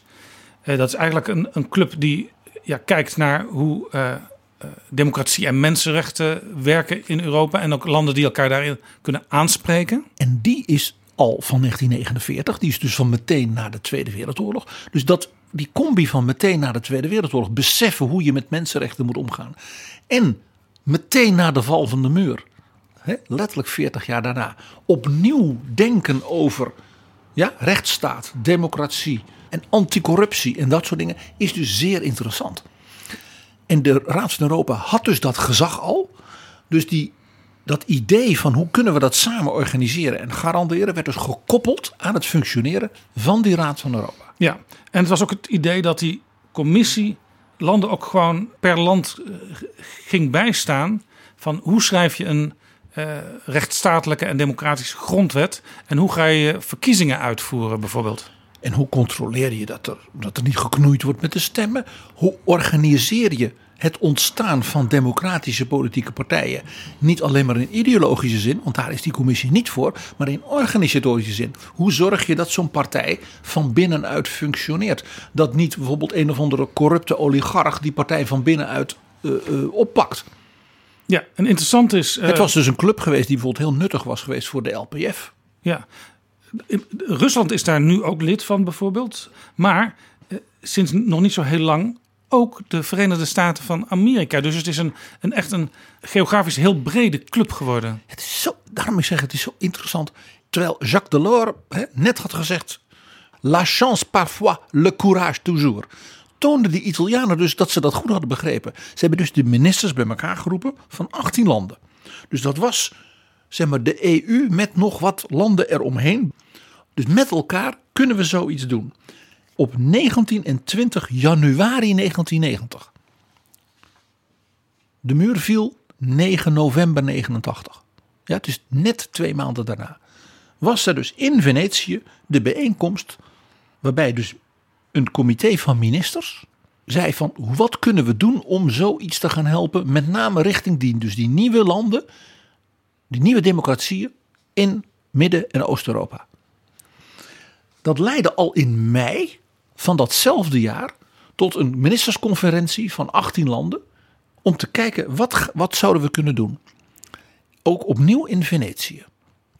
En van daaruit ontstond dus dat idee van een soort ondersteunende unit. Dat werd die commissie. En dat men ook zei, daar moet je dus landen bij halen die niet nu al lid zijn van de Raad van Europa van de EU. Want dat hele Europa is zich aan het herdefiniëren. Precies zoals Delors ja, ook zei. Dus eigenlijk loopt dit gelijk op met dus die gedurfde initiatieven van Delors. Hè, die dus leidt tot het verdrag van Maastricht en alles daarna. Hè, dus dat is de mensenrechten pijler als het ware van diezelfde ontwikkeling. Ja, en, en het, ik wil nogmaals benadrukken, het gaat dus breder. Want heel belangrijk werk heeft die commissie ook gedaan bij de grondwet van Zuid-Afrika. Die in 1996 is vastgesteld. Dat is in veel opzichten een voorbeeldige grondwet. En daar hebben ze eh, heel sterk bij geadviseerd. Toen Bosnië en Herzegovina eh, zeg maar uit hun ellende kwamen, hebben ze daar ook geadviseerd van eh, jullie hebben een grondwet, maar hoe zou je die nu moeten interpreteren om te voorkomen dat dit soort dingen nog een keer gebeurt? He- Heel onlangs hebben ze een soort eh, wet voor het garanderen van, ik geloof, democratische eh, eh, organisatievormen in politieke partijen en bij verkiezingen in Georgië ondersteund. En ze zijn nu bezig met een zeer kritische evaluatie van wat er gebeurd is bij de verkiezingen in Belarus. Dus je ziet, het is een club die waar ze de kans krijgt, er bovenop zit. En bijvoorbeeld bij Georgië en bij andere landen is het vaak op het verzoek van het land zelf. Daar zie je dus de verbinding met omzicht. Uh, dat zo'n land zegt: kom ons eens helpen, want wij worstelen met iets. Ja. Om je een idee te geven, die allereerste bijeenkomst in januari 1990. Aangejaagd door Antonio Mario Lapergola. Die man moeten we toch even met ere noemen. Daar zaten dus als waarnemers bij de ministers van Buitenlandse Zaken en van Justitie van bijvoorbeeld landen als Bulgarije, Roemenië, toen nog de DDR, want die bestond nog, en zelfs van de regering van Gorbachev van de Sovjet-Unie. Zo snel en zo intensief is dit proces dus toen in gang gezet. Nou, omdat het dus uh, gestart werd in Venetië, heet het dus de Venetië-commissie, zou je denken. Nee. Er is iets heel aparts gebeurd. De minister van Buitenlandse Zaken van Italië, van dat moment, uh, die had iets met de stad Venetië als een soort kiesdistrict en zo. En had dus verbindingen met zeg maar, organisaties in Venetië die zo'n commissie wel zeg maar, zou kunnen ontvangen. Ervoor zou kunnen zorgen dat die kon vergaderen en dergelijke. En dat is de reden waarom die commissie zo heet, nog steeds. Want ze vergadert nog altijd in Venetië, ja. Die minister was Gianni De Michelis, een sociaaldemocraat. Een zeer kleurrijke man. En die was uh, ja, door, zijn, uh, laat zeggen, door zijn persoonlijkheid, ook wel een beetje door zijn uiterlijk. Was een grote, zware, dikke man met enorm lang haar. was hij altijd bekend op foto's van, van, van, je kent wel, als die ministers bij elkaar zijn, je zag hem altijd. Voordat hij minister van Buitenlandse Zaken werd, was hij als politicus om één reden al fameus. En op conferenties, waar hij ook was, als minister op conferenties, bleef dat doorgaan. Hij had namelijk in 1988 een boek gepubliceerd. En dat boek heette Dove andiamo a ballare questa sera. Waar gaan, waar gaan wij vanavond uit dansen? En dat was een Michelin-gids. Jij raadt het echt niet, Jaap. Een Michelin-gids van de nachtclubs en dans disco's en dergelijke van Italië. En de Michelis was daardoor zo beroemd. Eh, dat hij dus, als hij als minister van Buitenlandse Zaken, ik zal maar zeggen, in Reykjavik was, of in Amsterdam, of in uh, Wenen, dat hij dan onmiddellijk ook altijd natuurlijk uh, ja, uitgenodigd werd. En ook dan na de vergadering naar de beste clubs van die stad ging om als het ware uh, voor een vervolgeditie van zijn boek nog weer aanvullende beoordelingen te kunnen publiceren. Dan ben ik toch benieuwd waar die in bijvoorbeeld Amsterdam geweest zal zijn. Ja, dat kan ik me voorstellen, ja. Of in Den Haag. ja, nou, dus de Michelis was een kleurrijke man. En, en had dus iets met Venetië. En die had, ja, nu wordt het wel heel apart hoor, ja. Uh, hij had iets daardoor met een stichting die in Venetië mogelijkheden bood. Dat was de Cini, Giorgio Cini Stichting. En die had op het eilandje San Giorgio Maggiore, wat je als je op het San Marcoplein staat, bij het paleis van de Dogen, zie je dat eilandje liggen. Want daarop staat die beroemde kerk, de San Giorgio Maggiore, oh ja. van Palladio. Maar daaromheen is een enorm klooster. En in dat klooster had die stichting allemaal ruimtes en wat dan niet. Wie was Giorgio Cini, Jaap? Giorgio Cini was een held. Hij was de zoon van een minister. En die minister was ook min of meer een held. Geworden. Je hoort het al. Minister Cini was de minister van communicatie van Mussolini. Dan denk je dat is niet heel heldhaftig, maar wel heel invloedrijk. Ja, hij was zo invloedrijk dat toen hij merkte dat het niet helemaal goed ging met Mussolini. En dus de Amerikanen hè, Sicilië binnenvielen en daarna bij Napels. En, hè, de geallieerden dus heel Italië begonnen te veroveren en op te rollen. Toen was meneer Cini een van de Italianen in het regime die samen ging zweren om Mussolini ten val te brengen. Dus hij had een belangrijke rol in een fascistisch regime. En uh, het, het, woord fascistisch moet je altijd met een zekere aarzeling en huivering gebruiken. Maar hier is het zeer van toepassing, want de, de uitvinders van het fascisme, dat waren Mussolini en zijn mensen. En in, in dat, die regering werkte hij. En op het laatste moment eh, was hij zo slim om eh, van kleedje te wisselen. Ja, alleen net niet slim genoeg. Want nu komt de heldhaftige kant. Bij die staatsgreep tegen Mussolini is hij net niet snel genoeg zeg maar, naar de geallieerden gegaan, letterlijk. En is hij opgepakt door de SS, die heel snel toen eh, in Italië ja, inviel en ook in Rome. En hij was dus een van de allerergste verraders in de ogen van de nazi's. En werd dus meegesleurd uit Rome naar Dachau. Nou, daar zou hij natuurlijk niet levend uitkomen. Het was natuurlijk, hij was natuurlijk geen jongeman. Uh, werd daar natuurlijk verschrikkelijk uh, gemarteld en verhoord. En wat dan niet. Van wie hebben nog meer meegedaan en de, enzovoort. En nu komt dus Giorgio Cini, zijn zoon, in beeld. Die is met uh, contanten, met juwelen. En wat dan niet uit het familievermogen. En misschien ook nog wel van anderen in Italië. Naar München gegaan. En heeft het op een of andere manier voor elkaar gekregen om zijn vader via allerlei omkopingen in het toch natuurlijk ook dan al instortende naziregime vrij te krijgen uit Dachau. Dus een, een, een, een vreselijke situatie en een, uh, ook een hele gevaarlijke missie waar die zoon op was. En daarom dat Giorgio Cini natuurlijk op zijn manier wel een beetje een held was. Uh, zijn vader is dus levend Dachau uitgekomen. Wat op zichzelf al uh, ja, bijzonder is op deze manier. En heeft dus na de oorlog een stichting opgericht, vernoemd naar zijn zoon, omdat hij vlak na de oorlog omkwam bij een vliegtuigongeluk. En die stichting was dus ook wel een beetje een stichting om zeg maar, de reputatie van de familie misschien wat te schoon te krijgen. En vooral de, de, de, de, zeg maar, de focus te richten op de heldendaden van die zoon. En het helpen ten val brengen van Mussolini. Dus die stichting werd een soort mensenrechten bevorderingsclub gevestigd in dat klooster op het eiland San Giorgio. Het is een verhaal vol paradoxen. Hans van Mierlo die zou ervan uh, gesmuld hebben. En het is dus ook extra interessant omdat uh, zeg maar, van het fascisme naar uh, de democratie en de rechtsstaat. Dat zit ook in dat verhaal. En dus is het niet eens zo heel gek dat die locatie waar ze vergaderen naar deze persoon genoemd is. Het zit verknoopt in heel veel van die Europese geschiedenis. De Raad van Europa is natuurlijk een antwoord ook geweest van de Europese naties op dat gedoe. Al die ellende en laten we voortaan die mensenrechten ja, nooit meer loslaten. Ook een beetje dus de lessen misschien wel van de familie Chini. Ja, en ook een heel broze organisatie in feite, de Raad van Europa. Want ja, alleen al dat de Russen erbij zitten en er ook vaak getwijfeld wordt aan de democratische en rechtsstatelijke gezindheid van het huidige Rusland, ja, dat, dat, dat zegt al genoeg eigenlijk. En het feit dat ons zich dus zo'n regime als in Baku van Azerbeidzjan dus daar kon aanpakken. Want ze wilden toch wel lid blijven, hoewel ze natuurlijk aan allerlei kanten niet deugen. En dat geldt voor Belarus. Dat geldt ook voor president Erdogan en de zijnen.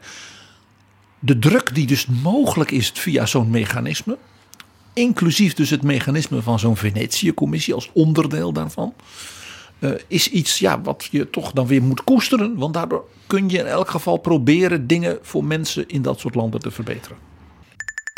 Dit is Betrouwbare Bronnen. Even een, een zijpad, uh, PG. Want bij Venetië denken we natuurlijk vooral aan die stad. Uh, waar we misschien op reis wel eens geweest zijn. Ja, Venetië. Wat wat een ongelooflijk passende stad, een naam voor zo'n commissie. Uh, het feit alleen al dat dus niet alleen landen in Europa, maar in feite in de hele wereld nu meedoen, past natuurlijk bij La Serenissima, zoals Venetië zichzelf noemde. Dus die stad met dat wereldwijde perspectief ja, in de middeleeuwen en daarna hè, als zeemogendheid, als handelsstad waar iedereen langskwam. Wat betekent La Serenissima? De verrukkelijke.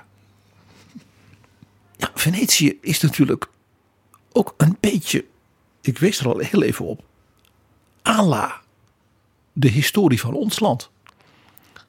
Die eeuwenoude, veel ouder, maritieme republiek, die eigenlijk na de Romeinse tijd zichzelf ging regeren. Het is een van de alleroudste dus, eh, eh, eh, ja, staten, sterk georganiseerd, ja, als republiek ter wereld. En het werd door zijn maritieme imperium, hè, de, eh, dat, dat, dat zeegebied, wat uiteindelijk dus natuurlijk het hele oosten van de Middellandse Zee, dat raakte dus ook het Midden-Oosten via Antiochië, ja, Bagdad. En zo werd eh, Venetië dus veel meer dan alleen maar, ik zal maar zeggen, een regionale eh, positie.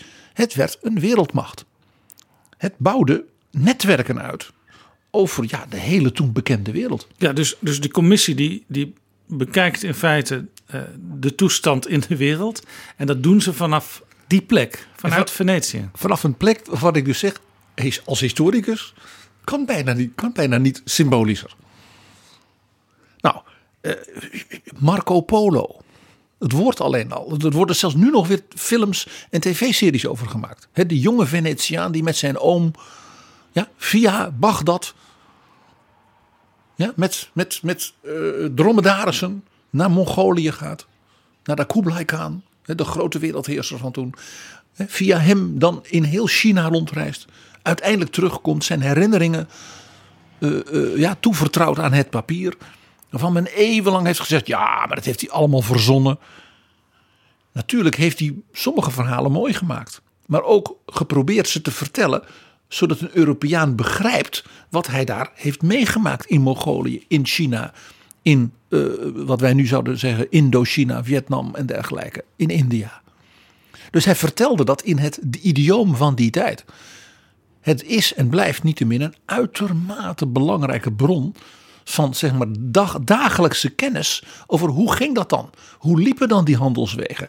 Hoe bestonden die contacten? Want het was natuurlijk wel heel ver van elkaar. Maar men had dus contacten via, wij zouden zeggen banken, via verzekeringen, via leveranties. Dus er was een hele eigen ja, netwerk over heel de wereld. Venetië had unieke relaties met de sultan. Dat was natuurlijk een concurrent en een vijand. Maar ja, je deed toch ook zaken met elkaar. Venetië had unieke contacten met het gigantische en opulente rijk van de Mughal-vorsten in India. Die zelfs allerlei Venetiaanse kunst eh, integreerden in de enorme kunst van wat wij nu kennen als de Taj Mahal en dergelijke. Een onderwerp op zich.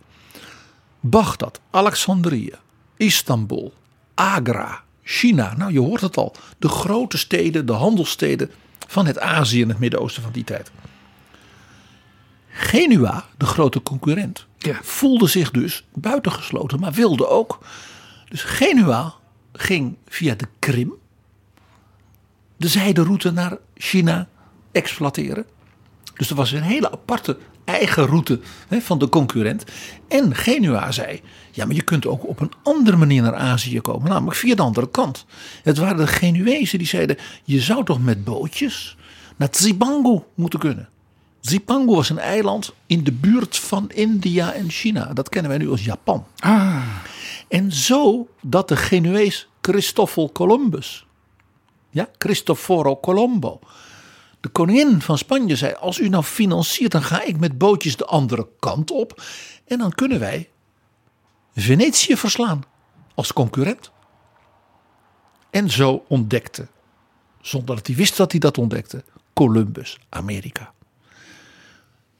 Je ziet dus hoe die geschiedenis van die tijd en de wereldomspannende netwerken van die tijd in feite tot vandaag bepalen wie wij zijn, wat wij zijn, hoe wij denken en hoe dus passend het is dat dat eilandje San Giorgio Maggiore met die fantastische kerk van Palladio, ga daarheen. Dus de discussies in Europa over wie wij zijn en hoe wij functioneren mede bepalen. Nou, dat Venetië, ja, dat was natuurlijk iets wat wij als Hollanders eigenlijk wel een beetje kennen. Op onze manier. Het was een republiek. En die had een soort stadhouder. Een soort burgemeester. Dat was de doge. En dat komt natuurlijk uit het Latijn. Uit het woord dux, het woord hertog. Wat in Italië later duce werd. De leider. Die doges werden gekozen voor het leven als een soort president. Die kwamen bijna altijd uit de rijke handelsfamilies.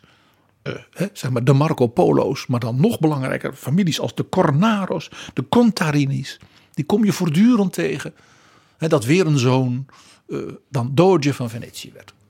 Dat is een post voor het leven. Beetje zoals je in Nederland ook allerlei families had, zoals de Schimmelpennings die in het bestuur zaten. En zoals in Amsterdam, want daar doet het vooral aan denken de familie Six, de familie Bikker. Dat waren de Contarinis van onze Gouden Eeuw. Het was dus een republikeins bestuurd eh, ja, eh, centrum. Een stad met, dus dat, met ook een stuk land ja, in Italië eromheen, de Veneto. En allemaal stadjes wat langs de kust van wat we nu Kroatië noemden. Jaap, toen wij het hadden over Kroatië als voorzitter van Europa, hebben we het gehad over die sta- stadjes als Zara, Ja, Ragusa en dergelijke. Spoleto. Dat waren dus allemaal van die Venetiaanse vestigingen voor handel, connecties, scheepvaart en dergelijke. En doordat het een republiek was, met een leider voor het leven, zeiden die families, wij eren de doge zeer en hij zit ook voor. Maar we verhinderen dat hij echt als een soort dictator alles doet. Dus wat, wat hadden ze ook afgesproken? Zolang de doge regeerde, moest hij dus binnenblijven in het paleis. Het Dogenpaleis zoals we dat nu kennen. En in de kerk daarnaast de San Marco. Daarbuiten mocht hij niet. Dus de families en de, ze hebben de bestuurders... die konden dus buiten dat paleis om met elkaar nog wat dingen regelen. En dan vertelden ze het hem als hij binnen zat. het lijkt een beetje, want we hadden het over bananenrepubliek en bananenmonarchie, op een eh, constitutionele monarchie. Jij zegt het. Eh, Sterker nog, de Doge had ook een gigantisch duur en indrukwekkende boot. Het is toeval, hè? En die, gebruikte hij op bijzondere momenten. Er was zelfs één moment in het jaar. En dat is al vanaf ongeveer het jaar 1000. Zo oud dus. Dat de Doge van Venetië met zijn enorme schip een ceremonie deed. De Sposalizio del mare. De verloving met de zee. Elk jaar op hemelvaart ging de Doge met een enorm galeischip. Met prachtige, je begrijpt, eh, zeilen. En nou ja, het zag er allemaal fantastisch uit. En alle schepen, ja, de gondels en alle schepen van alle families gingen met hem mee. Dan voeren ze dus de haven van Venetië uit. En dan ging hij op de Adriatische Zee voor de kust, dus bij San Giorgio Maggiore, bij dat eiland. Om even een beeld te krijgen, denk aan Sail Amsterdam. Perfect beeld. Perfect beeld. Dat schip heette de Boekentaur. Dus naar het paard van Alexander de Grote. Oftewel ook dat symbool van de verovering van Azië. Hè? En dat schip, dat was dus een processie met muziek. Je begrijpt, opera, zang. Het was allemaal zoals Venetië natuurlijk groots. Het was natuurlijk ook een enorm feest. Vuurwerk, drank en vrouwen. Het was niet voor niks op hemelvaart als iedereen vrij had. De Venetianen houden van carnaval, van feest, van groots. En wat deed hij dan? Dan voer hij dus met zijn schip de zee op. En, en in 1177 gaf paus Alexander III als dank aan de Doge van Venetië voor zijn hulp met zijn vloot en zijn geld in zijn strijd tegen de keizer van Duitsland. Ja, de Doge een geschenk. Een ring. Een prachtige ring van goud. En hij zei: Deze moet u namens mij, dus namens de paus, jaarlijks bij uw ceremonie in de zee gooien. Als, als signaal dat Venetië verloofd is, getrouwd is met de zee. U bent dus daarmee voor eeuwig ja, de heerser van de zeeën. Namens de paus. En dus elk jaar wierp en werpt de Doge van Venetië. Die dus helemaal gezegende ring. Je begrijpt, dus een enorme ceremonie eromheen. Die heeft hij aan zijn vinger, die doet hij af en die werpt hij dan in de zee met de woorden Desponsamus te mare insignum veri perpetui que domini. Ik huw u nu de zee met dit teken van ware en eeuwige overheersing. Voor minder doe je het niet als doodje. En die ring wordt dan snel weer door eh, matroosjes opgevist? Nee, het is elk jaar een nieuwe ring. Oh, Het is ook elk jaar een nieuwe huwelijksceremonie. Ook dat is wel heel boeiend. ik zou met een duikclubje dan daar wel gaan zoeken, denk ik. Jij bent een echte Hollander, Jaap. Ik merk het. Nou, Venetië heeft dus, eh, zoals de Nederlanden, dus ook van die periodes gehad die wij noemen als een gouden eeuw. Van kunst, van handel, van connecties met iedereen en inspiratie. En dat ook iedereen daar langs kon. Een beetje zoals Amsterdam natuurlijk ook was. De stad waar iedereen heen kon. We hadden het over Lissabon. Hè? Dat de mensen daarna naar Amsterdam gingen voor de vrijheid. De Spinoza's. Nou, Venetië had dat ook. Voor Venetië was dat natuurlijk vooral de 16e eeuw. De eeuw voor onze Gouden Eeuw. Ja, dat, de, de, de namenlijst Bellini, Tiziano, Veronese, Tintoretto. De grote, grote schilders van die tijd. De stad hangt er nog steeds vol mee. Alle kerken en wat dan niet beschilderd. Ga erheen. En ook in dat gebouw waar de Venetische Commissie vergadert. Ja, de, de San Giorgio Maggiore is natuurlijk een meesterwerk van de grote Palladio. Het is de enige kerk die hij helemaal klaar heeft kunnen bouwen. Volgens zijn idee hoe dus de bouwkunst van Griekenland en Rome ja, in de renaissance als het ware tot christelijke bouwkunst kon worden. Eh, die kerk is helemaal volgeschilderd. Dankzij de Benedictijnen monniken. Door grote stukken van bijvoorbeeld eh, eh, van Tintoretto. Dus alleen al de binnenkant van die kerk, nog even los van die fant- fantastische buitenkant met die geweldige koepels. Ga erheen, ga erheen. Nou, de 18e eeuw was natuurlijk een tweede gouden eeuw van eh, Venetië. Zowel natuurlijk in de muziek, denk aan Vivaldi. En natuurlijk de stad is de, ja, de stad waar de opera is begonnen met de grote componist Monteverdi. En dan heb je natuurlijk in de 18e eeuw nog schilders als Canaletto en Bellotto. Oom en neef, de twee schilders van al die stadsgezichten. Ja, van Venetië, maar ook van Wenen, van Dresden en van Praag. En mensen als Tiepolo, die we natuurlijk absoluut moeten noemen. Guardi, Ricci. Nou ja, de namen, je zegt het al. Die stad heeft dus net als Amsterdam in zijn Gouden Eeuw. van die periodes gehad dat dus het talent van heel Europa zich bijna concentreerde. En men dus ook hele nieuwe dingen probeerde. Zowel in de wetenschap, in de connecties wereldwijd als in de opera. Dus werd Venetië ook, nu begrijp je dat, zoals Amsterdam ook toch is geworden, een soort legende als vrijplaats voor het denken en de kunsten. En ook romantiek aan het water. Is het toeval dat Richard Wagner in 1883 stierf in een paleis aan het Canal Grande in Venetië? Nee, natuurlijk niet. Ultieme romantiek. En dat Thomas Mann misschien wel zijn allerberoemdste eh, novelle is nu Der Tod in Venedig. Van die ook- kunstenaar die sterft in Venedig. Van de gelijknamige film. Van de beroemde film van Lucchino Visconti. Naar, naar deze prachtige novelle. Kortom, Jaap. Venetië staat dus voor een wereldomspannend netwerk van connectie, van handel, van elkaar proberen te begrijpen en zo aan elkaar te kunnen verdienen. eh, Van de zee, van republikeinse waarden, ook dat. En in dat opzicht dus een beetje zoals wij in onze historie dingen herkennen. En natuurlijk voor het Europa van nu op een hele verrassende manier ook weer heel relevant.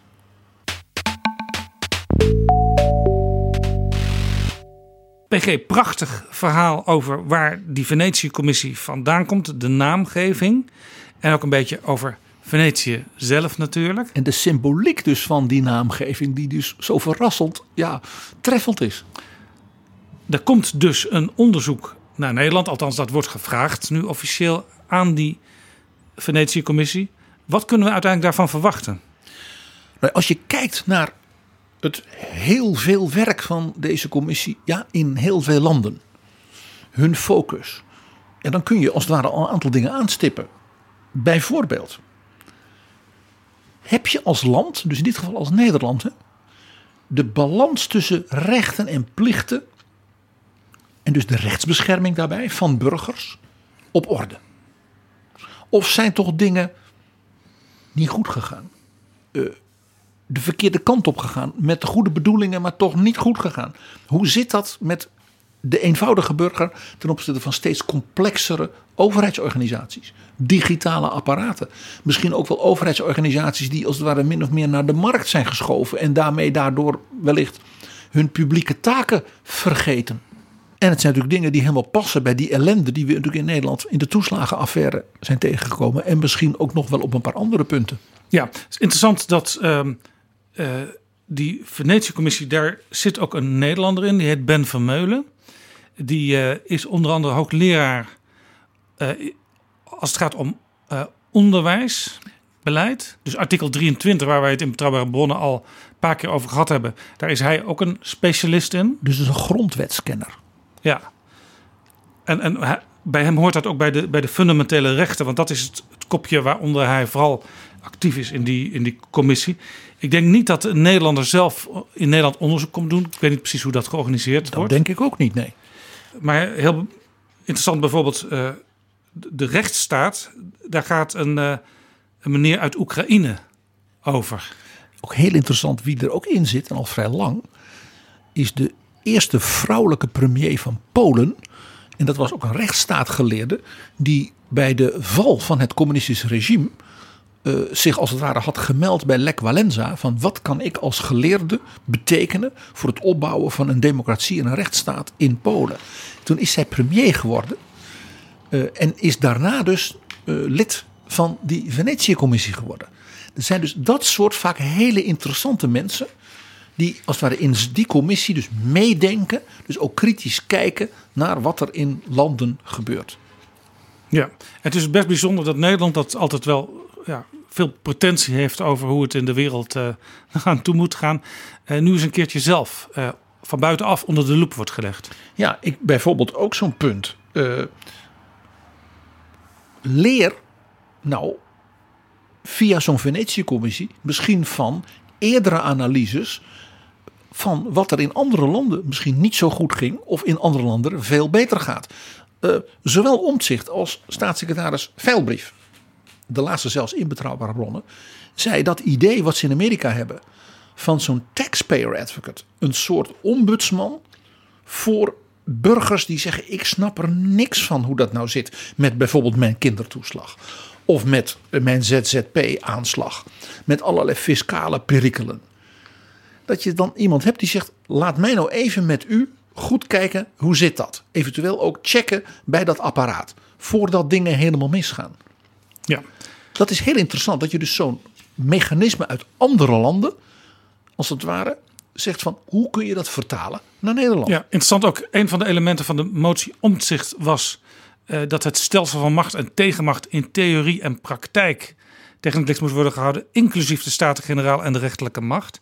En eh, er zou best eens uit kunnen komen, eh, want eh, er is eigenlijk al onderzoek naar gedaan naar een, een deel van die belangrijke vraag door de staatscommissie Remkes, die daar het rapport Lage Drempels, Hoge Dijken over heeft uitgebracht. En eh, die staatscommissie Remkes heeft een aantal adviezen ge- gegeven.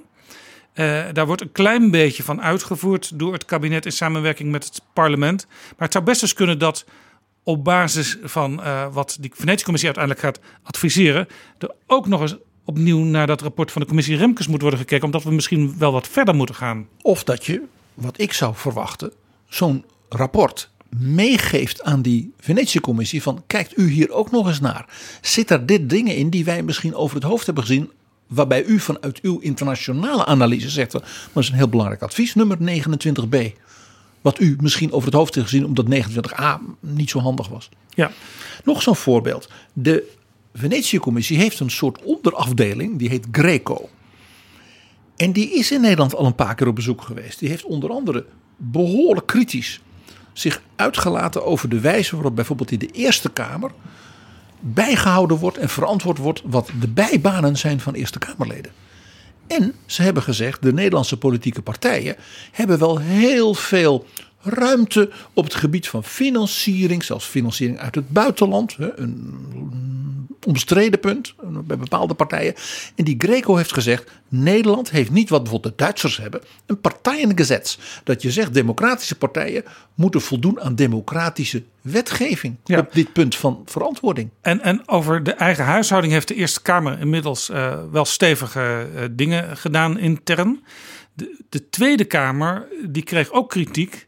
En die was daar wat terughoudender in. Dus dat is een beetje gek. Want het meeste nieuws eh, als het gaat om eh, bijvoorbeeld eh douceurtjes die Kamerleden krijgen. Dat komt dan heel snel in het nieuws.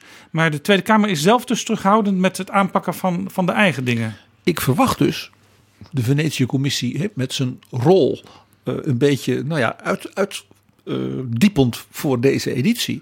Dat de Venetië-commissie die Greco-rapporten over Nederland natuurlijk als eerste uit het eigen archief onmiddellijk op tafel legt van we hebben al dingen over Nederland. Daar staan natuurlijk dingen in waarvan zij zeggen daar hebben we al kritisch naar gekeken. Wat is daar inmiddels mee gebeurd? En als het antwoord is nou niet zo heel veel, dan zal dat dus duidelijk een punt zijn. Nog zo'n punt, Jaap. We zien nu in die kwestie rond de toeslagen dat er in Nederland, en dat is misschien wel een deel van die Rutte-doctrine, vrij makkelijk wordt gezegd: ja, maar daar gaat het ministerie of de minister of de staatssecretaris niet over, want dat is een uitvoeringsorgaan. Dus daar hoeven we geen stukken van bekend te maken. Dat is niet een zaak van ons. Je zag het bij de toeslagen ellende. Je, er zijn ook dingen geweest bij het UWV. Duo. Nou, de IND. eh, vul maar in. Dat is dus een zeker patroon. Eh, we hadden het eh, in een heel recente aflevering over het feit dat bijvoorbeeld minister Deetman bij de studiefinanciering wel degelijk fors onder vuur lag ten aanzien van de uitvoering van de nieuwe wet voor de beurzen. Omdat in die tijd het nog zo was dat de minister wel degelijk direct aanspreekbaar was. En hoe naar dat ook op dat moment voor de heer Deetman wellicht was. En hoe hij dat toen ook kon overleven. Misschien was dat vanuit democratisch oogpunt helemaal zo slecht nog niet. Ik verwacht dus op dat punt. Waar bent u verantwoordelijk voor en hoe uit u dat? En bent u aanspreekbaar erop? Ook wel iets vanuit zo'n Venetië-commissie. Het wordt straks in dit kader ook heel interessant eh, wie er uit de kabinetsformatie rolt als nieuwe minister van Binnenlandse Zaken en Koninkrijksrelaties. Want die minister die zal uiteindelijk eh, voor het kabinet weer moeten gaan reageren op de adviezen van de Venetië-commissie. Jaap, al iets heel logistieks bijna is hier interessant. Wie schrijft de brief namens Nederland naar het eiland San Giorgio Maggiore en de bijgebouwen van die prachtige kerk van Palladio? Is dat mevrouw Ariep? Is dat namens de Staten-Generaal, de voorzitter van de Eerste Kamer, Jan-Anthony Bruin? Of is het de demissionaire minister Ollongren? Ja, want Het maakt nogal verschil, denk ik. Want dat is interessant van die motie, daar heb je gelijk in. De Kamer besluit de Venetië-commissie te verzoeken. En er wordt dus geen opdracht aan de regering gedaan. En ik zeg dus, de Kamer kan dat verzoek zeker doen. Maar misschien is het wel verstandig om te zeggen, de Staten-Generaal. En die motie die eindigt met en gaat over tot de orde van de dag. Zullen wij dat ook doen, PG? Eh, ja, Jaap, maar Venetië. Nou denk je, oh, nu krijgen we weer zo'n opera van Verdi. Hè, na Domingo in eh, Aida en Callas in Traviata. Ja, het zou kunnen. Want een van zijn prachtigste opera's speelt niet alleen in Venetië. gaat over een doge van Venetië. Simone Boccanegra. Die als rebel begint en vlucht. En dan uiteindelijk aan de macht komt. En dan doge van Venetië wordt. En dan ontdekt dat hij in die rebelse tijd een dochter heeft verwekt.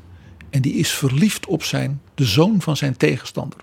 Ah, alleen al die scène van Simone Boccanegra en dat meisje die ontdekken dat het vader en dochter is. Fabelachtig mooi. En die gaan we toch niet laten horen. Want we hebben nu al zoveel Verdi gehad. Ik ga iets anders doen wat heel erg bij Venetië past. En dat is het Adagietto uit de vijfde symfonie van Gustav Mahler. Door Visconti gebruikt in die film na de novelle van Thomas Mann als zeg maar de onderliggende muziek als dan de hoofdfiguur Gustav Aschenbach op een gondel Venetië binnenkomt. En dan die muziek klinkt. En die die, die elegische muziek, die is symbolisch geworden toch wel. Voor dus die romantische kant van Venetië. Dus laten we dan ook maar meteen het Concertgebouworkest onder leiding van Bernard Haitink horen in het Adagietto, de vijfde symfonie van Gustav Mahler.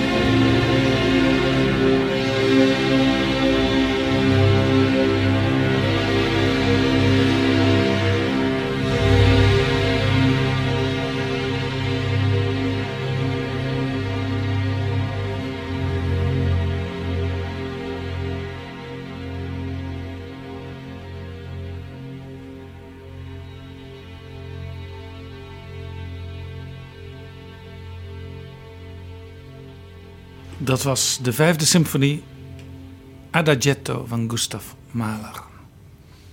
Dankjewel, PG. En dan gaan we nu echt over tot de orde van de dag.